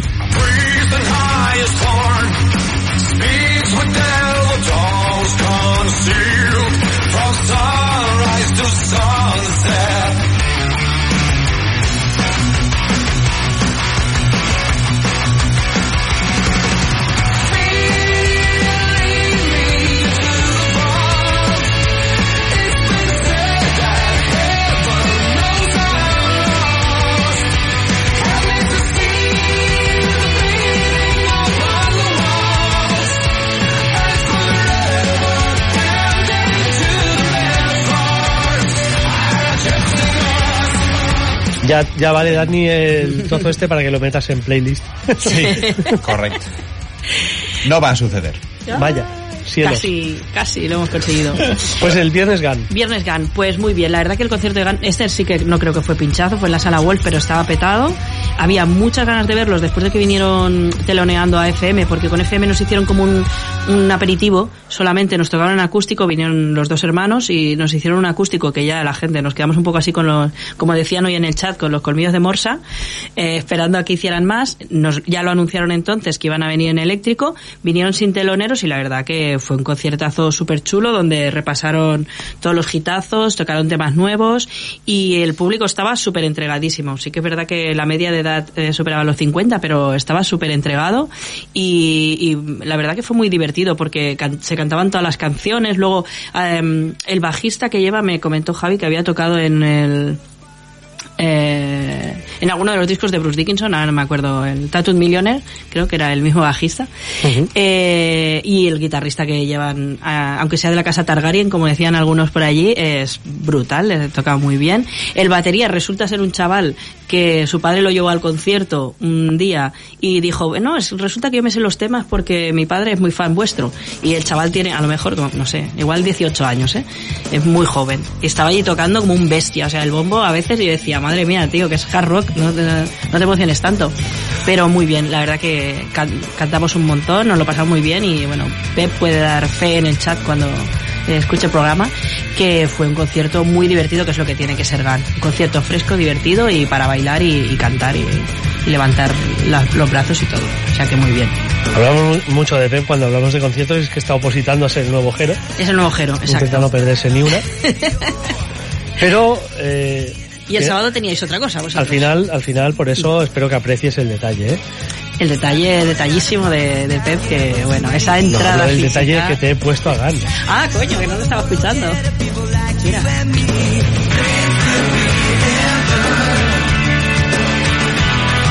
Que cayó, por cierto, esta también. Esta tiene que caer, es la que conozco. Es la que conoces. Bien, bien. Bien conocida, bien conocida. Bueno, ya dieron bastante por saco con el videoclip este de 89 o 90, que yo sabía. No, muy guapa. La verdad que, bueno, es así muy, muy vacilón. No han, las nuevas tampoco son más eh, duras. Son un poquito más duras que estos, sí. Sí. Porque no son radiofónica, mm, pero Ya. radio fórmula, pero, eh, pero, casi. está en esta línea, está en esta línea, sí. Había Bueno. mucho amor en el concierto también, tengo que decir. Que volví mucho amor. Pues que Eh, se besaba mucho la gente, se abrazaban mucho, estaba muy bonito. Ah, bien. Había muchas parejas. Que esto es algo que, bueno, también siempre añade, es un plus más que haya amor en, el, en los conciertos y no mm, circle pits que te pisan los pies. Hombre, sí, sí, sí. Bueno. Bueno, eh, mm, pues como decíamos, estuviste con Pep, con nuestro amigo Pep en, en el concierto de Cannes el viernes y el sábado, como había tanto solape, Pep no pudo estar con nosotros porque estuvo con Alfonso. También se va repartiendo entre los miembros Sí, del sí, octavo sí, día. está claro. Y estuvieron pues eh, en la sala Razmatat 2 ante un sold out bestial también, viendo a esta gente, viendo a Sepultura junto a Sacred Rage y Crowbar. Crowbar, sí, sí. Y bueno, pues eh, Crowbar, eh, que no son lo mío, eh, son lo de Jero, por ejemplo, pues parece ser que estuvieron bastante bien. Sacred Rage sí que son lo mío. Hubiera ido a ver a Sacred Rage si no hubiera tenido nada que hacer ahí el sábado. Y el Seldis lo vi y tocan lo que siempre tocan. Sub Nicaragua, Independent y bueno, los temas clásicos.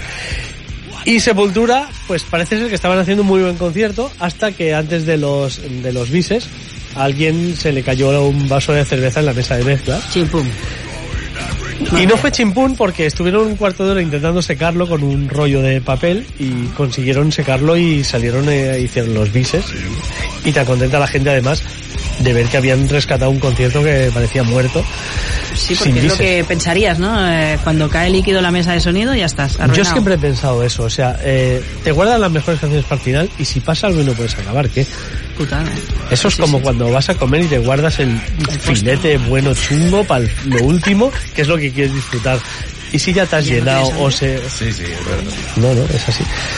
Pero sí, sí, es eh, así fue el concierto de Sepultura y bueno, teníamos algo más, ¿no, Dani, ayer en Barcelona? Ayer en Barcelona, en Calabria 66, teníamos esto.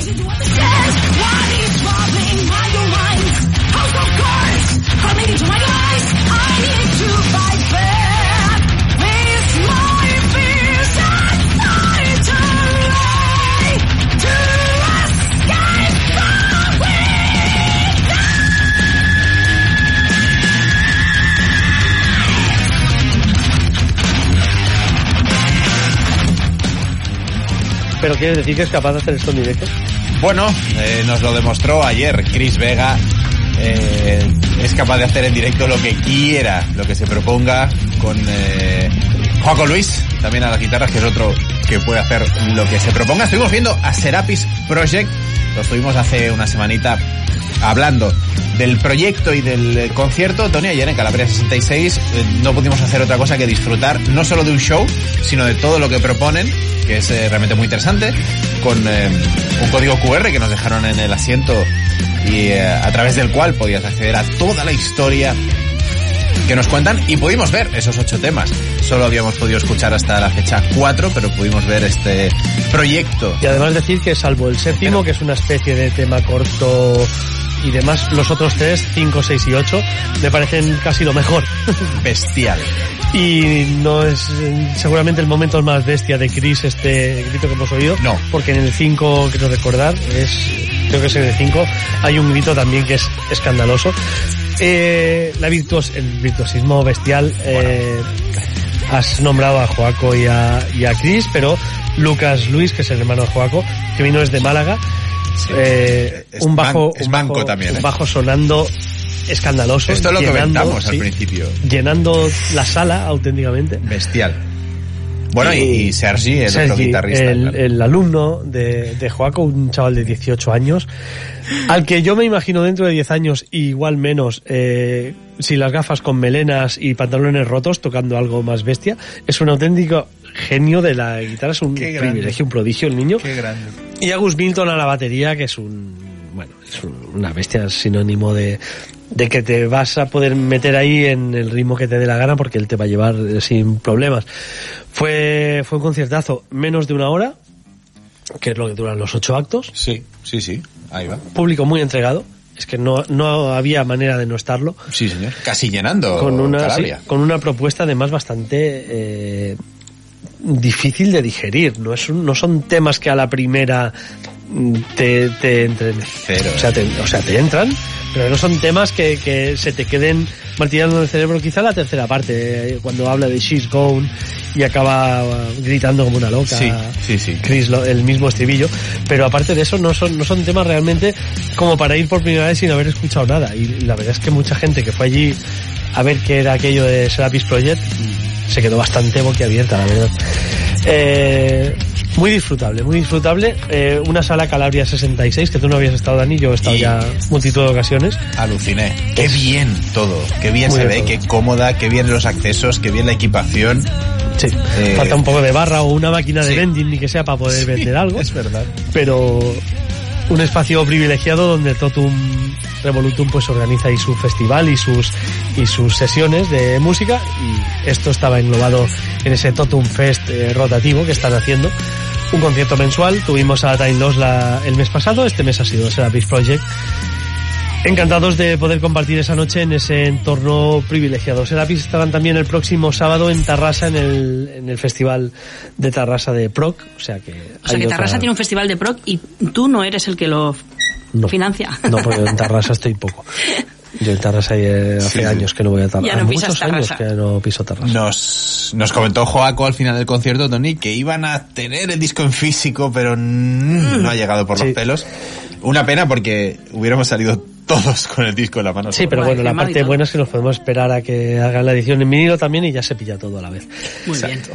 Pero muy bien, la verdad es que una experiencia fabulosa por la sala, por la propuesta que, que ofrece la banda y por el sonido que fue cristalino. Pero dejemos de hablar, creo, de, de metal minoritario como Serapis Project o Sepultura y vamos a lo que realmente ayer lo petó. Adiós Ramón, voy pa' la FNAC. Voy a pillarme un móvil que este va fatal. No Eh, Os juro que he puesto en Google la canción del Reno Renardo que dé menos vergüenza ajena y me ha salido esto. ¿Vale? Me- a mí me gusta la de festival. La de festival me siento muy... Sí. eh, Bueno, pues festival era, bastante más adecuada, ¿ves? Me lo tenías que haber dicho porque eso es lo que fue ayer el Reno Renardo, un festival. Festival. Nos hablaban desde allí, pues amigos del chat de Telegram como Enrique o Javi. Nos decían pues eso, que fue un fiestón y que se lo- la gente que va a Renardo va a pasárselo muy bien. Es justo lo contrario de ir a Project. A ser que, no, no, que te lo pasas muy bien, te lo pasas muy bien, pero son dos maneras muy distintas de pasarlo bien. Una es, eh, porque musicalmente te están llegando unos inputs que te están destrozando por dentro y estás flipando con lo que estás viendo y escuchando. Y en este caso te lo pasas bien porque vas a una fiesta allí a reventar y a que te canten una versión del Number of the Beast con una letra absurda hablando de... De Paco. Bueno, no sé, a mí, a mí es que el Reno Renardo me ha sonado a... a- me suena a stand-up. Es stand-up comedy, es, es, Ah. es un señor que hace un monólogo, pero en lugar de hablarlo, le pone debajo música y... y- No, porque los temas que yo he escuchado de esto, el de crecí en los 80 y tal, son, son muy de stand-up comedy, ¿no? Son, es el monologuista típico que te dice, pues haría esto y lo otro y demás, no sé. Y es un monologuista que ahora llega porque la, la gente de su generación ha pasado todo el mundo más o menos por ese mismo brete. Entonces llegas mucho a la gente como les pasa a los monologuistas, que hay ciertas generaciones que enganchan y es Sí. por, por la evidencia es del mismo tiempo, ¿no? Simultáneo. Yo, yo tengo que decir que después del primer trabajo de Leonardo pe- pegaron un pelotazo, fue casi instantáneo y me fui a verlos con un amiguete hace muchos años, o- De Mephisto creo que se petó. pero que se petó, que eh, os, os cuento rápidamente que eh, entre la gente que no tenía entrada, que era mucha y que se había congregado en la sala para ver si pillaban taquilla dijeron que no, eh, corrió el rumor de algo que era cierto, que es que en un bar de Manresa donde se vendían entradas, habían había 11 entradas que no se habían vendido y estaban de camino a Sala Mephisto. Ostras. Y os podéis imaginar, cuando llegó el eh, encargado de traer esas 11 entradas, Como el humor amarillo. ahí, holocausto caníbal. O sea, Acabó sin entradas ni ropa. ni carne. y con ni- traumatismo craneoencefálico fue brutal. Brutal. Ahora, yo en aquel momento, reconozco que me lo pasé muy bien en aquel concierto. No he vuelto a ir a verlos, no creo que vaya, que vaya a verlos otra vez, pero en aquel momento lo disfruté mucho. Yo los he pillado siempre en festivales y me lo he pasado bien, la verdad. No le... Yo me lo pasé muy bien. No le, o sea, así como hay otros grupos, yo por ejemplo, eh, gusto personal totalmente, ¿eh? he pillado a los mojinos escocios muchas veces y no me gustan nada, o sea, no, no conecto nada con el humor que tienen, no, yo no, no conecto, pero sin embargo con el Reno Renardo me divierto, ¿Ves? Yo con mojinos conecto, hay días que conecto. hay días, Hay días vas que conecto. Pero no son las canciones que tocan en concierto, por lo tanto el rollo que lleva en concierto, pues no. Claro. Porque no van a tocar quién se ha comido mis natillas, que es un tema grindcore de 10 segundos. Maravilloso. Maravilloso. Y no van a tocar mm, tampoco eh, el tío que tenía el récord mundial de hablar sin parar, porque moriría en Sevilla si canta eso en directo. Que igual es capaz, ¿eh? Pero es imposible acordarse de toda esa letra porque es una canción de más de 10 minutos donde no calla ni un puto segundo. Al final lo acaban acribillando para que se calle y siga hablando a un acribillado a tiros. Sí, sí, eh, o sea, y eso es, es muy gracioso. A ver, a mí me hace mucha gracia ese, ese, pero claro, entiendo que en- son canciones más no directas, en directo. No, no, yo los vi hasta en un, en un rockfesto, claro. Sí, sí, en un Rockfest que Mm. se llenó lo más grande también, porque fue el día que regalaban la entrada a los eh, Sí, sí, sí. locales, ¿no? Y os, madre mía, cómo estaba haciendo los mojinos. Sí, pero mm, quiero decir, el Reno Renardo sabes a lo que vas, Sí. que vas a, con los colegas a divertirte, a reírte y a cantar cerveza en mano, pues canciones de borrachos. Lo que harían unos Corquiplani en, en Sí, Finlandia, sí. pues aquí lo hacemos con el Reno Renardo. Tal cual. Es así. Y Tal cual. ¿Es mejor o peor que, que no? O sea, es, es una opción respetable como cualquier otra y además es una opción mayoritaria, con lo cual Mm. también le hemos dado aquí la, la cabida que se, la cabida está al punto que ya está repitiéndose la canción. Hemos estado hablando más Sí, de una sí. canción del concierto del Reno sin haber estado. Pero bueno, al final el Rey Leonardo tuvo su público, se llenó la sala, el Serapis Project también se llenó la sala. Sí, sí, sí. Bien repartido el público, Sí. bien repartido. Sí, Sí, sí. No pasó ¿Y como eso que también? explico siempre que me dio tanto rap. Sí, también se llenó Sepultura. Triple, O sea, triple, triple lleno. ayer. Triple lleno. Muy bien. Sí. Es un Eso buen nos- estado a, del a mí me alegra mucho porque estamos en esa situación y lo hemos comentado donde eh, no paramos de ver conciertos que bajan de sala Mm, porque cierto. no se venden entradas, telones, etcétera, pues oye, que por lo menos en un fin de semana, el sábado, se llenaran tres conciertos en Barcelona, me alegra un montón. Claro que sí. Estupendo. Pues nada, me, me toca pinchar a mí y ahora os vengo con mi sección especial. No. La sección más odiada de esta temporada del octavo día. Una banda de Troy, Michigan, que es una de las más reputadas en, en este estilo. ¿De cuál? A ver, a ver. ¿De cuál? Porque ser reputado en, en qué. en este estilo.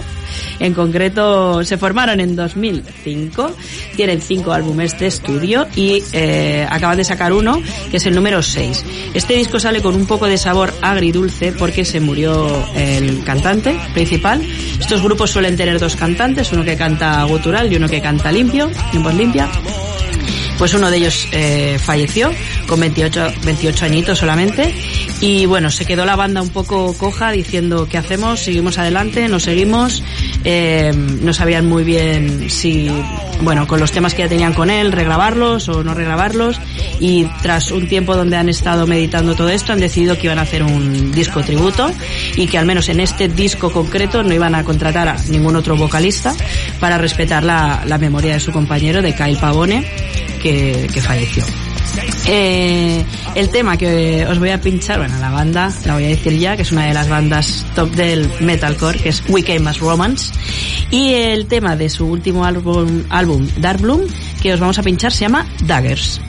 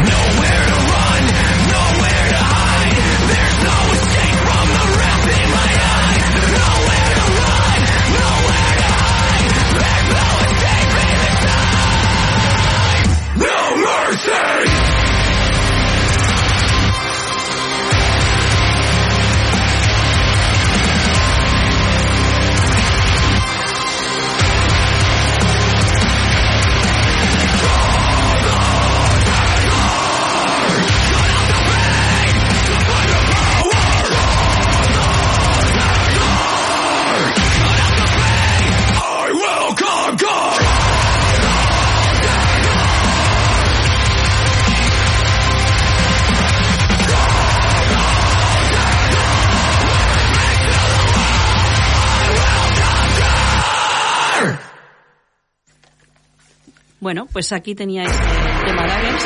Eh, si preguntáis a colegas que les guste el estilo, veréis que, bueno, se comenta que es uno de los No, eh, ten- no mejores. tengo esos colegas. ¿No tienes? Uno tienes. Pero no cuenta porque estás poniendo tú el tema. Vaya, pues al menos uno tienes. No, pues es uno de los, de los mejores discos que han sacado últimamente. La verdad que la mezcla les ha quedado muy bien. Y, y eso he pichado este tema porque como soy consciente de mm, que aquí no gusta tanto el estilo, era el más hardcore, el que tenía más voz mm, rasgada y menos melodía. O sea que, que ya lo hago pensando en vosotros, aunque igual no sea mi favorito, que, que coincide que también lo es, eh, pero es, bueno, les ha quedado un disco muy redondo, muy chulo, a pesar de la falta de, de Kai Pavone y la verdad que valía la pena traerlo y, y recomendarlo a los oyentes. ¿Sí? Valía, valía la pena. Vale, vale. Bueno, pues eh, vamos a seguir con los lanzamientos del eh, pasado día 11, del pasado viernes. Y es que nos llega una banda a la que entrevistamos aquí hace unos años, eh, con su último lanzamiento, con Zeitgeist.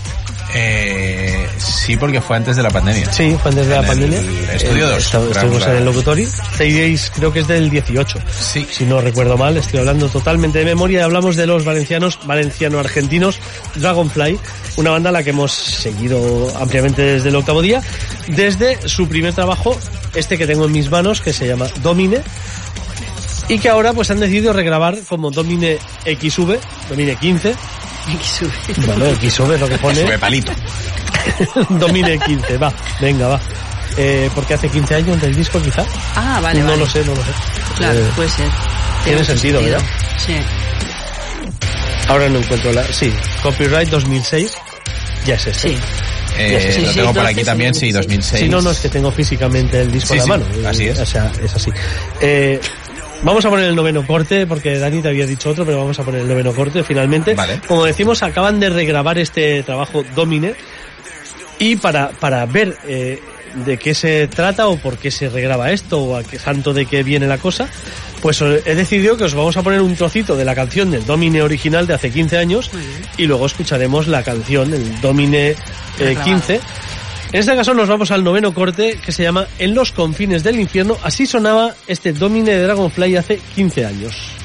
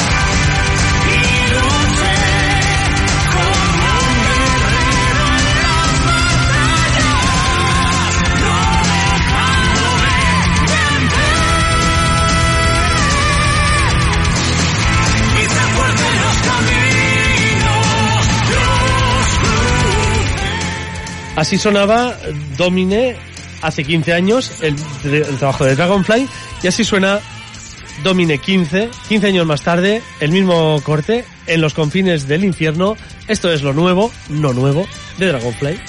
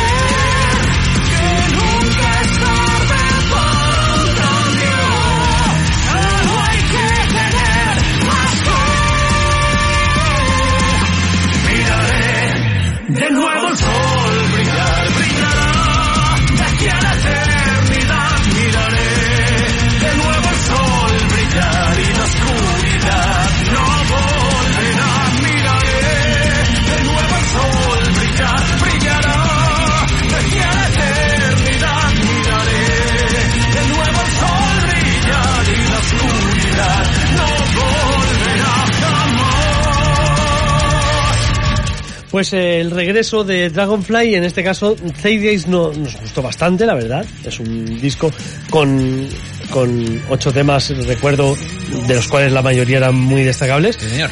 Para mí, para mi gusto personal, ¿eh? Eh, bastante mejor que Domine. Domine es un buen disco de presentación de una banda nueva, pero no me parece lo mejor que ha grabado Dragonfly. Creo que han ido creciendo disco a disco y que cada disco es mejor que el anterior.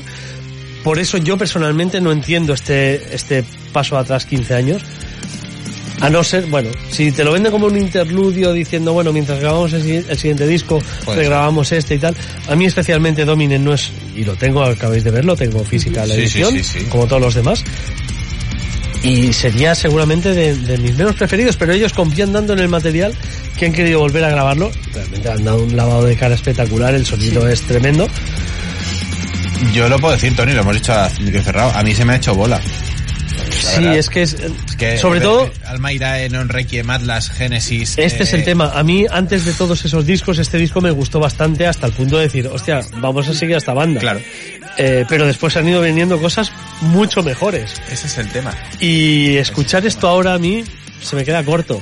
Dentro de que es Dragonfly, de que es muy reconocible, pero no son temas, no tiene seguramente, no los veréis caer, no seguramente es el tema emblemático de este, de este disco, pero creo que tienen canciones mucho mejores en, en los últimos trabajos.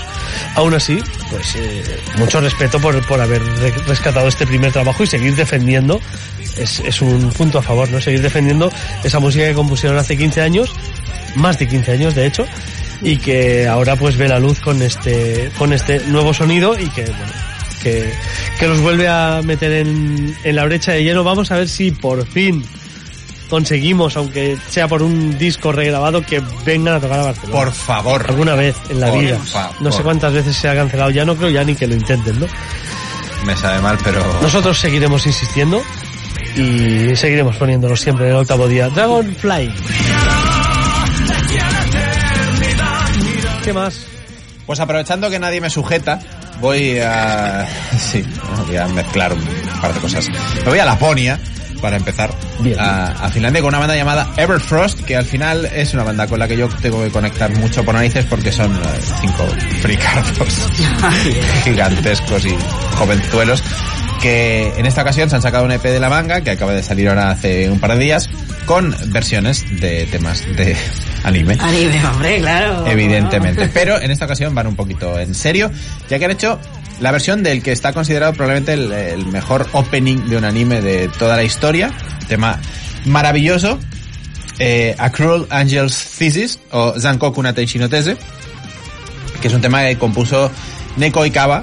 Eh, es, es un tema, es una composición eh, por dinero, es una, es una composición profesional eh, que le, encargaron Hideaki Anno y, y el estudio Gainax, que según cuenta ella, la verdad es que le dieron solo cuatro trazos de que iba a ir la serie, la serie se estaba, estaba en producción, todavía no, no le pudieron dar mucha, mucho material, y lo compuso en un par de horas. Eh, Neko Ikawa hizo la letra, perdón, eh, Hidetoshi Sato hizo la composición, un par de horas de trabajo y salió un auténtico temazo. Después, lo que ha sucedido es que se grabó en el año 95 en la maravillosa y majestuosa voz, y lo digo totalmente en serio, de Yoko Takahashi.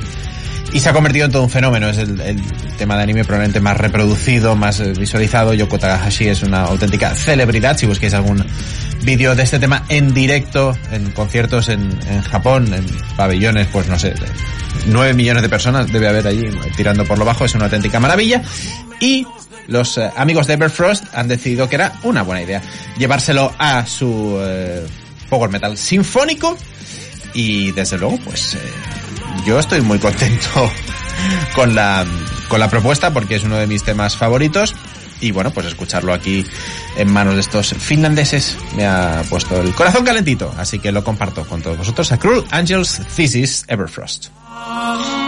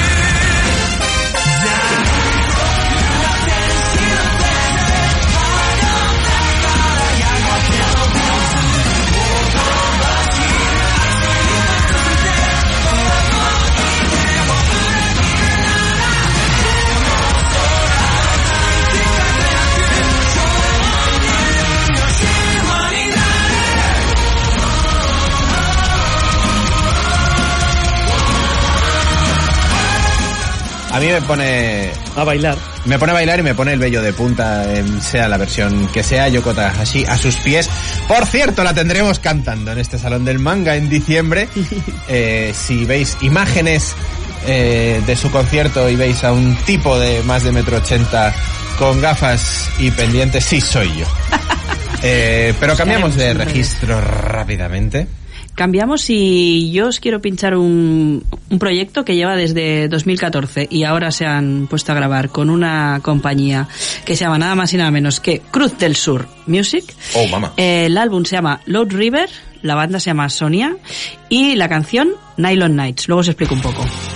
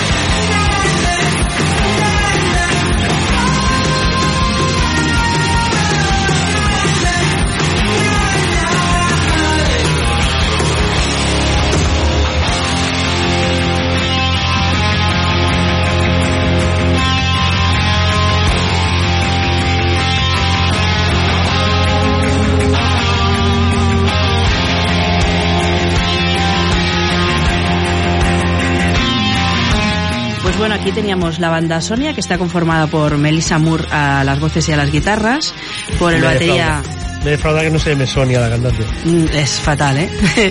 El batería, mm, no sé pronunciar el nombre, Sesiek Sapla, Sesk. Sí. Sesk. Se dice Sesk. Sesk. Sesk. Eh, el bajista Ben Brand.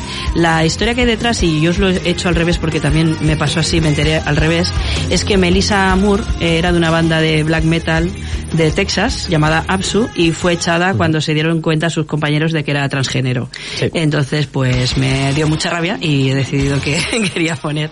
El tema, la verdad que me ha gustado, bueno, el, el disco que han sacado me ha gustado mucho porque es como una mezcla entre Ash Bader y Halas, o sea que, que son dos grupos típicamente mm, suecos, y esta banda no es nada sueca, y tiene como un poco la ecualización de los primeros discos de los Helicopters, que a mí mm, me ha enganchado, vamos, muchísimo, porque es un rock garajero muy setentero. Y me ahora, ahora paja mental, pero si escuchas la voz,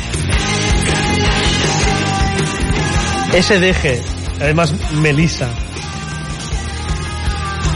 es un poquito Rey Diamante, ¿no? Sí, Rey hay Diamante un poquito total. de, de Rey Diamante detrás.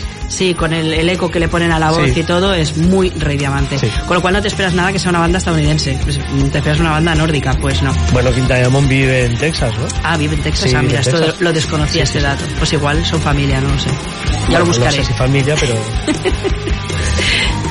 Buscaremos el dato. Ahora nos vamos, sí, a los países nórdicos, nos vamos hasta la fría Noruega.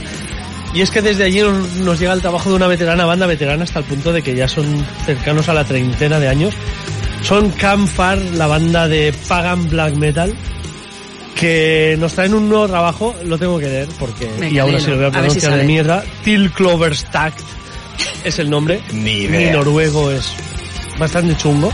Y además puedo acabar de haber de decir una bueno es igual. Me fío de Campar Pedido comida, Justin. me fío de Campar una portada pagana absolutamente con una gente haciendo una hoguera en medio de un bosque y cantando canciones ahí. Laudans under Stjernbene es el tema que abre este disco. Os habéis quedado igual que yo cuando lo he leído pero bueno la primera canción del nuevo disco de Campar ahora con un 10% más de Monsorrow por decirlo de alguna manera, y es que suena exactamente a eso. Canfar, pero con mucho Monsorrow en sus venas. Eh, lo que es Pagan Folk Metal desde Noruega. Canfar, en este caso, no Monsorrow. Canfar serían los Monsorrow noruegos, lo podríamos decir así. Pues sí. ¿Quién lo sabe? En todo caso, lo nuevo de Canfar, como decimos, desde este Till Clover's Tag, la primera.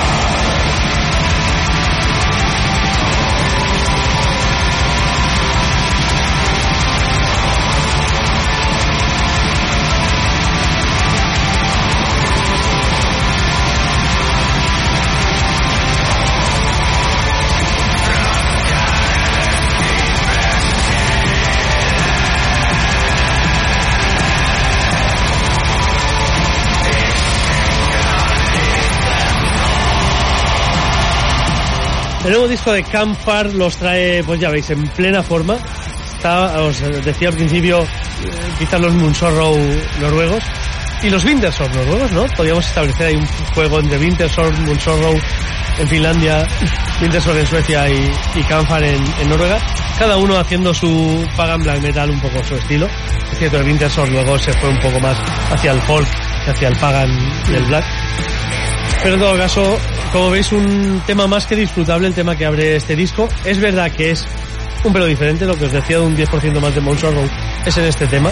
En el resto tiran más pues hacia los campar de, de toda la vida y hacia también algún tema más eh, folclórico dentro del pagan black metal que no abandonan en ningún momento. Nosotros tampoco os abandonamos, pero sí que nos vamos de la antena momentáneamente. Las próximas horas, los próximos días. Volveremos aquí el próximo domingo a las 9 de la noche, pero hasta, hasta aquí el, el programa de hoy. Eso sí, Dani, nos pueden encontrar por todas partes, ¿no? Nos pueden encontrar en Spotify, en iBox, en iTunes, nos pueden encontrar en Twitter, en Instagram e incluso en TikTok y por supuesto en nuestro canal de YouTube. Así que no os perdáis nada del octavo día durante la semana. Eso es Inba y además pueden contar con tus sabias opiniones en el grupo Con mis de Telegram recomendaciones diariamente magnífi- magníficas, sí. y azucaradas, edulcoradas. Edulcoradas, totalmente. Pues eh, en ello estamos, nos estamos eh, en contacto por todas las redes. El próximo jueves, gran, gran acontecimiento en Barcelona. Nailed to Security, Data Tranquility, Amorphis, Elevate. Casi nada. Allí nos veremos bastante gente. Llevaremos las pastitas para el té. Madrugad, porque a las 17.20 se abren puertas y a las 17.40 ya tendremos a Nailed to Security en el escenario. Así que hasta entonces nos vamos leyendo toda la semana, nos vemos en las distintas redes y el próximo domingo tres horas más del octavo día en Radio Cornella. Adiós. Adiós. Hasta la próxima.